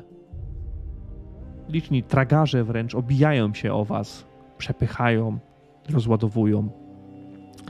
I to właśnie tutaj, jak doskonale wiecie, rozpoczęła się wasza przygoda z Byggenhafen. To tutaj wysiedliście z pokładu rebelii i zostaliście przywitani przez Darwisha Sherpa. Tutaj, Czy tak? widzimy rebeli za, zacumowaną? Jeżeli przejdziecie się chwilę po, po nabrzeżu i przyjmiemy, że to robicie, tak, jest jeszcze rebeli tutaj. Chociaż nie widzicie nikogo na pokładzie w tym momencie. Nie, nie zauważacie nikogo, ale no tą starą łajbę rozpoznacie już teraz e, na kilometr. Jeszcze jedna rzecz, którą chcę wam powiedzieć, to to, że zauważacie, wcześniej może nie zwracaliście na to uwagi, albo w ogóle nie było wam to potrzebne, ale zauważacie, że mają tutaj swoje miejsce liczne promy przewożące podróżników na drugą stronę rzeki, bo po drugiej stronie rzeki dalej ciągnie się miasto i widzicie również y, zabudowania. Y, Co tam się znajduje po drugiej stronie rzeki? Y, Również widzicie zabudowania. Tak samo. A nie, Mieszkalne, nie wiemy, co tam jest. Aha, Mm, Nie no. Tak bezpośrednio, co tam jest, nie wiecie, ale widzicie, że raczej te zabudowania są niskie, maksymalnie e, jednopiętrowe, dość liche, może nawet rozpadające się. Ale ale jeszcze jedna rzecz. Tak samo pośród tych zabudowań zauważacie tam rząd magazynów, trochę mniejszych, często przypominających jakieś szopy, ale tak, oczywiście. Są tam także magazyny. No dobra. Y, czy my wiemy, gdzie jest ten magazyn tej rodziny szlacheckiej, gdzie znaleźli tego goblina? Bo ja nie Ja- pamiętam. Numer 4. Według numeracji y, wydaje mi się, że chcemy iść, aż nie dojdziemy do magazynu numer 4. On powinien być no, na początku, jak jedynki się ciągną numery. więc. E, no rozumiem, że trzymamy się wersji, że przyszliśmy po zwłoki tego stwora. Tak? Mm, Tak. A, Tutaj ja jestem. Chcemy zobaczyć, już gdzie. ustaliliście, tak? Bo, bo pierwszy słyszę, że jakikolwiek, że tak powiem, chcemy w interakcję wejść z tymi ludźmi tam. No jak to? Ran- Rozmawialiśmy z rana, jak wychodziliśmy z końca podróży przecież. To ja chyba przyjdziemy? coś nie, nie zrozumiałem. To- No ale dobrze, skoro tak mówicie, no to y, jasne. Możemy tak zrobić. Randolph przyszedł zabrać zwłoki, a my go. My, a, my mu asystujemy. Dobrze. Ja z powrotem, że tak powiem, zakładam kapelusz i że, idę za Randulfem, żeby było widać, że to on tutaj tej wesołej gromadzie przewodzi. Mhm. Już, dobrze. Okej. Jesteśmy tutaj. Dobra. Idziecie do odpowiedniego magazynu. Według tropu Johana po prostu musicie dotrzeć do tego z numerem 4. Idziecie od liczby rosnącej, ponieważ z tej strony wyszliście, do malejącej idziecie, idziecie niemalże na południe tych doków. Tutaj znajduje się trochę więcej promów, albo takich przypominających promy, może, może bardziej prowizoryczne. Widzicie też prom, który działa na zasadzie e, swego rodzaju tratwy, którą się przeciąga. Łapie się za linę, a następnie przeciąga się do siebie z jednej czy to z drugiej strony i w taki sposób przeprawia na drugą stronę. Nie jest to może zbyt bezpieczne, ale przynajmniej, przynajmniej stabilne. Drzwi do magazynu z dużym numerem 4 na ścianie pilnuje przywiązany do nich pies. Typowy, typowy kundel, siedzący, rozglądający się dookoła. Wydaje się być bardzo zmęczony i znużony swoim życiem. Drzwi do magazynu, te drzwiże dość duże, jedno ze skrzydeł jest lekko, lekko otwarte. W środku panuje mrok, więc nie widzicie z pułapu ulicy, co tam jest, ponieważ ten pies przywiązany jest niemalże do tych samych drzwi.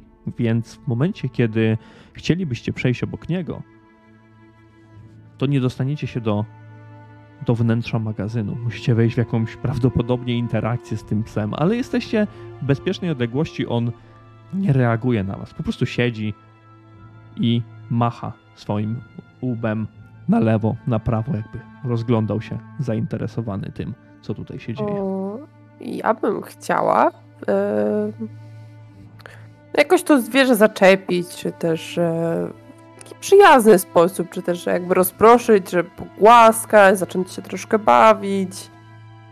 Dobra, jakiś test? No co, rozumiem, że opieka nad zwierzętami. A masz?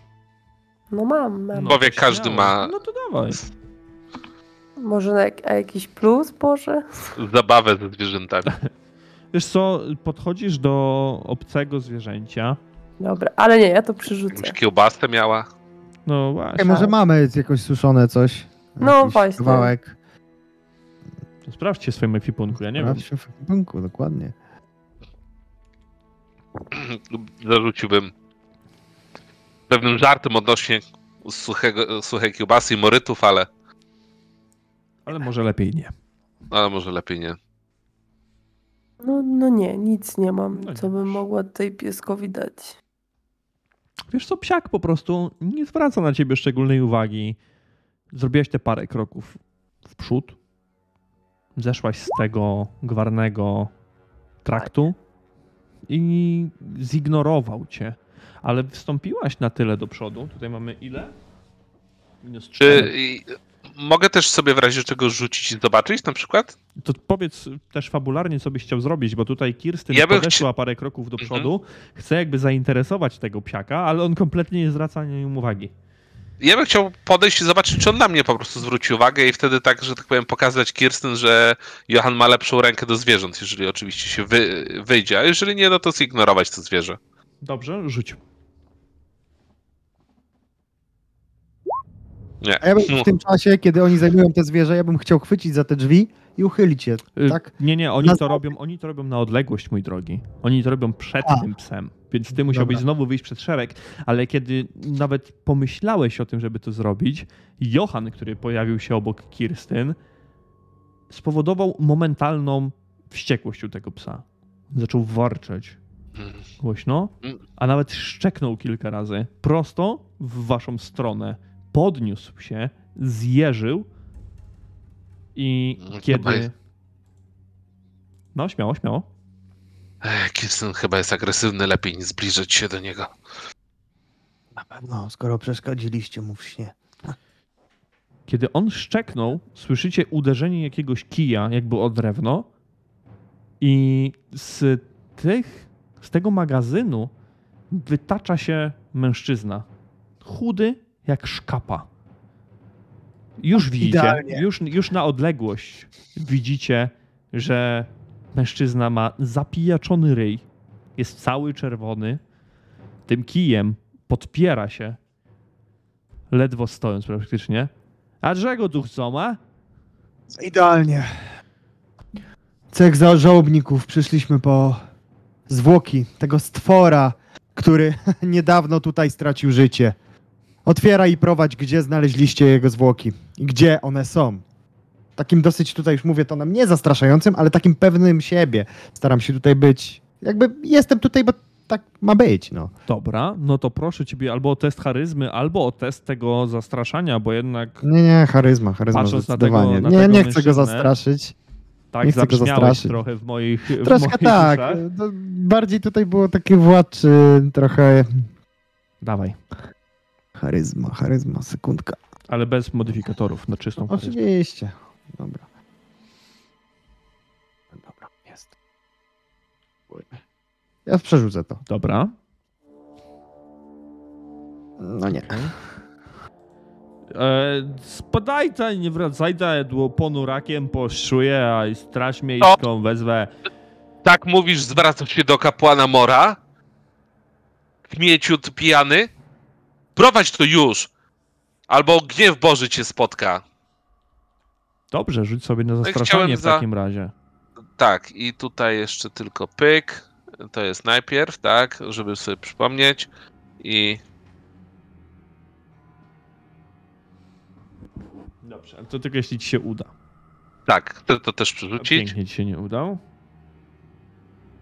E, p- p- proszę, zastraszanie tutaj jest. Ja pierdolę. No cóż, No i to wszystko, co że miał do powiedzenia, wypierdalać. Zamknął te drzwi od razu za sobą. Razem z tym psem schował go do środka. jak kopnąłem tylko w nie, jak on je zamknął, tak ze złości. Widzicie, jedyne co, to widzicie, że nad tymi drzwiami widnieje napis. Rodziny i po prostu jest nazwisko Steinheger. No tak. Zero dla y, poszanowania dla świętości Randulfy, widzisz? Ech, Zawsze możemy udać się tutaj do, do tej rodziny właśnie. I tam spróbować podpytać. mm. No, Chyba nie mamy wyjścia, no tutaj nie ma co w, Jest tak tylko rozglądać się, włamywać. Jest tylko jedno wejście do tego magazynu? Czy jakbyśmy obeszli je, to znaleźliśmy boczne wejście? Już co, te magazyny w wielu miejscach przylegają do siebie, ale mm, nie są prawdopodobnie połączone w żaden sposób. Są to osobne magazyny, ale są na. na mm, przylegają do siebie Budowane? ze względu na to, tak, na, nabudowane są niemalże na siebie ze względu na zaoszczędzenie miejsca na tym nabrzeżu. Możesz oczywiście, no przecież i tak nie macie nic innego do zrobienia, obejść kilka z tych magazynów, znaleźć jakąś boczną dróżkę, bo tu widać, że one są budowane przy sobie co, co parę, E, I widzisz, że z tyłu nie ma żadnego wejścia dodatkowego. Są proste, naprawdę proste y, budowle wzniesione tutaj. Kirsten, widzicie, że ona po prostu buzuje ze złości. To jak to? To ja tutaj zapierdalam pół miasta w tom i z powrotem i teraz mnie jakiś ham nie będzie wpuszczał? Ja mu zaraz ryja obiję chyba. I podchodzę do tych drzwi, szarpię za nie.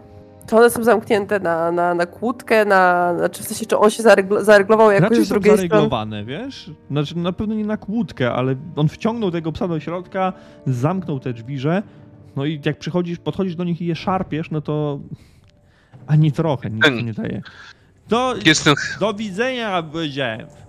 Kirsten nie ma co z plebsem tutaj rozmawiać, no musimy się udać do tej rodziny i od nich zażądać y, tego ciała. No tutaj nie ma co włamywać się jeszcze gorszych problemów sobie na głowę ściągać. No nie, no nie odpuszczę. No nie ma opcji. Walę w te drzwi i się wydzieram. Otwieraj no, pszczymurze, bo ja ci tutaj zaraz ryja obija, ta, całą tą budę z dymem puszczę. Johan, I chce gdzieś odejść i sobie tak przysiąść na jakimś takim, takim em, nie wiem jak to się nazywa, te, te, te zydle, gdzie tam rzucają te liny i, i biorą i przywiązują łodzie. To on czymś takim chce usiąść, założyć ręce i patrzeć e, tutaj tą sławną Kirsten fakcji. Oglądać. Dobrze, dobrze, w porządku. E, Kirstyn, ostatnia szansa na rzut na zastraszanie w tym momencie. E, Ja też się odsuwam kawałek. tak, normalny, normalny rzut to będzie na zastraszanie. Dobra.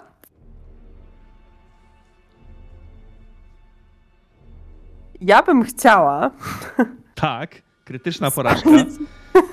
chciałabym e, spalić punkt bohatera i się dostać do tego magazynu. W jaki sposób chcesz spalić punkt bohatera? Co chcesz No, zrobić? chciałabym go zużyć i mieć sukces na kościach. Chciałabym ustalić. Zastraszyć.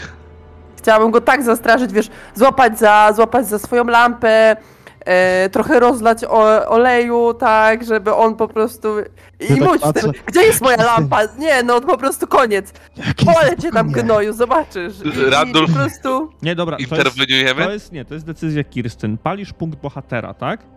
Tak. Dobrze, pamiętaj, żeby od, spalić sobie też jeden punkt determinacji, bo od razu ci spada o jeden punkt determinacji. Dobra. Porządku. Nie miałeś szczęścia, żeby przerzucić? Miałam, ale ja Okej, chcę zależy ci. dostać. Dobrze. Ona Tak, nie, nie wie Okej. swoje szczęście. tak, Słuchaj, te doki to jest coś, co... mo- Game changer. tak, dokładnie. Tam tezek Dobra, siedzi. dobra, kurwa już otwiera, no... Czego? Słyszycie, słyszysz Kirsten mm, skobel jakby, albo może nawet nie, nie, nie, nie skobel, tylko jakieś... Um, jeju, albo mi brakuje słów dzisiaj. Drugi Dobrze. raz. Rygiel? O, te-. Tak, te drzwi się uchylają, i tak? one, one się uchylają. Widzisz ten zapijaczony ryj jeszcze raz. No! Chciałabym, chciałabym złapać za te drzwi i takie pchnąć, żeby go uderzyć tymi drzwiami, Mhm. żeby on się tam odtoczył, czy też wywalił po prostu. Mężczyzna wpada do środka niemalże tego magazynu. No, kurwa! Zamknij ryj i wypierdalaj stąd. No ja Już! tu pracuję przecież. Wypierdalaj stąd, powiedziałam. Kirsten, spokojnie. Ja podchodzę teraz. Kirsten, spokojnie. Człowieku, tak jak mówiliśmy, jesteśmy z cechu żałobników. Więc wysłuchaj mnie, No, co mam do powiedzenia.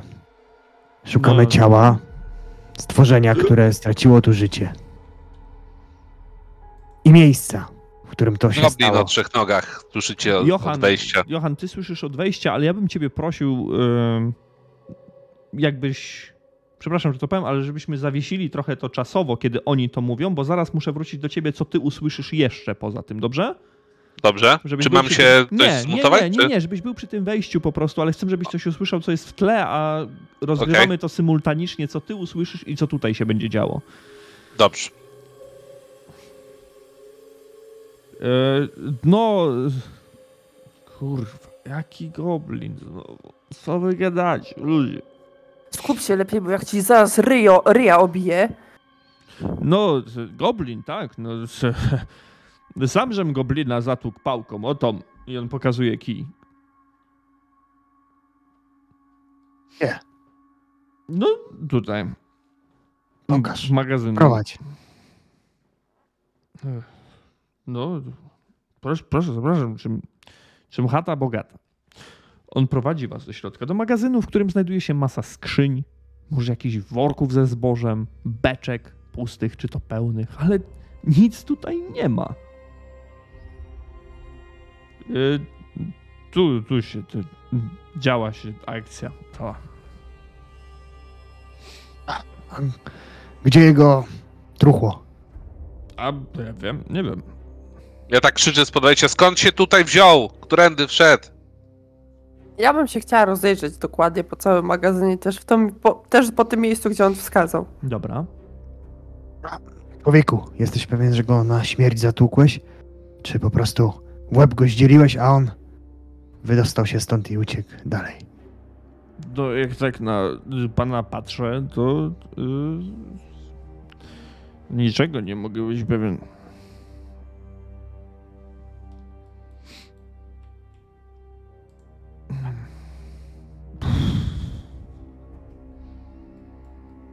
No tutaj to było. To wszystko możesz wyjść, bo ja tu pracuję. Wyjdę, jak będę chciała. Teraz zamknij ryja i siadaj tam w kącie z burkiem. No przepraszam bardzo, to nie jest burek, tylko ponurak. No to z ponurakiem, w tej chwili, już. A ja się nazywam Anton Bo się zaraz wkurwie. Bruegel. No już siadam, pani kró- królewno złota, już siadam. Dobrze, więc y, tak jak zadeklarowałam, chciałabym się dokładnie rozejrzeć. z- z- Jest Ja, jakaś ja plama tak krwi? podchodzę, podchodzę do Kirsten. Nie ma tam Daj żadnej kilka. plamy krwi. Od Daj kilka mówię. miedziaków. No chyba żartujesz, że będziesz jeszcze... Daj kilka miedziaków, nie dyskutuj. To jest ten typ człowieka, z którym za dużo nie Dobra. zdziałasz. Trzeba dać Daję na- mu, daję mu pięć pensów. Dobra, no i ja biorę te pięć pensów i, i nachylam się nad tym, tak jak Kirsten kazała mu w kącie usiąść, to, to co? Może jednak będziesz czegoś pewien. I jakby wystawiam dłoń, pokazując, że mam te pieniądze i chcę mu dać tutaj. Jesteś pewien, że go zatukłeś na śmierć, czy jednak uciekł? Nie, I jakby no, gotowy jestem, żeby puścił, puścić te pieniądze. Król, król, królu malinowy, to jest tak, że ja już bym go strzelił pałką, no to, no to on upadł. A no, potem już go nie było, więc e, to chyba już trzeba Steinhagerów zapytać. Potem już go nie było, czyli co, wyszedłeś stąd, No, leżał i... nie, no ja tu byłem. Ale... Czyli co, ktoś go zabrał, No, tak? nie no, z tego. Z, z ratusza przyszli i powiedzieli, że cicho. A. Cicho. I no to cicho jestem, nie? A, kto przyszedł z ratusza? I tu już puszczam te pieniądze. No urzędniki przyszły. Pierdzielone. Że cicho, czyli rozumiem, że co? Że całej sytuacji nie było, czy jak? Co ci kazali? E, nie mówić. No ja miałem nie mówić, że, że tego goblina pałką, tą, o tą, o tą, żem zatukł. A powiedziałem, ale nie powiecie nikomu, nie? E, oczywiście, że nie. Dobrze, więc Proszę was o test, albo ciebie, Randulfie, najbardziej. Proszę o test intuicji w tym momencie. Kirstyn, to jest normalny magazyn, tu nie ma żadnych śladów krwi. Nic Poszło. się nie działo, nawet nic nie było przesuwane. Randulfie, ten człowiek łże ci po prostu w twarz, on nie trafiłby tego goblina tą pałką, to jest niemożliwe. Nawet nie ma śladu na tym kiju, nic. I No i tak, dobry człowieku, dałem ci przed chwilą na to, żebyś się napił. I tak podnoszę tutaj, podnoszę tutaj szyję, pokazując cały ten znak, yy, symbol Mora i myślę, że Mor nie przyjmie cię do swoich. No jak, jak mnie nie przyjmie? Nie przyjmie, bo kłamiesz. Kłamiesz jak znud. Co się stało z goblinem? Y, Ja tak krzyczę spod drzwi. Randolfie, y, mogę go na przesłuchanie wziąć. No dobra, no, z, y, e, no nie było. O, to co było? No nie było. Nic nie było. Nie.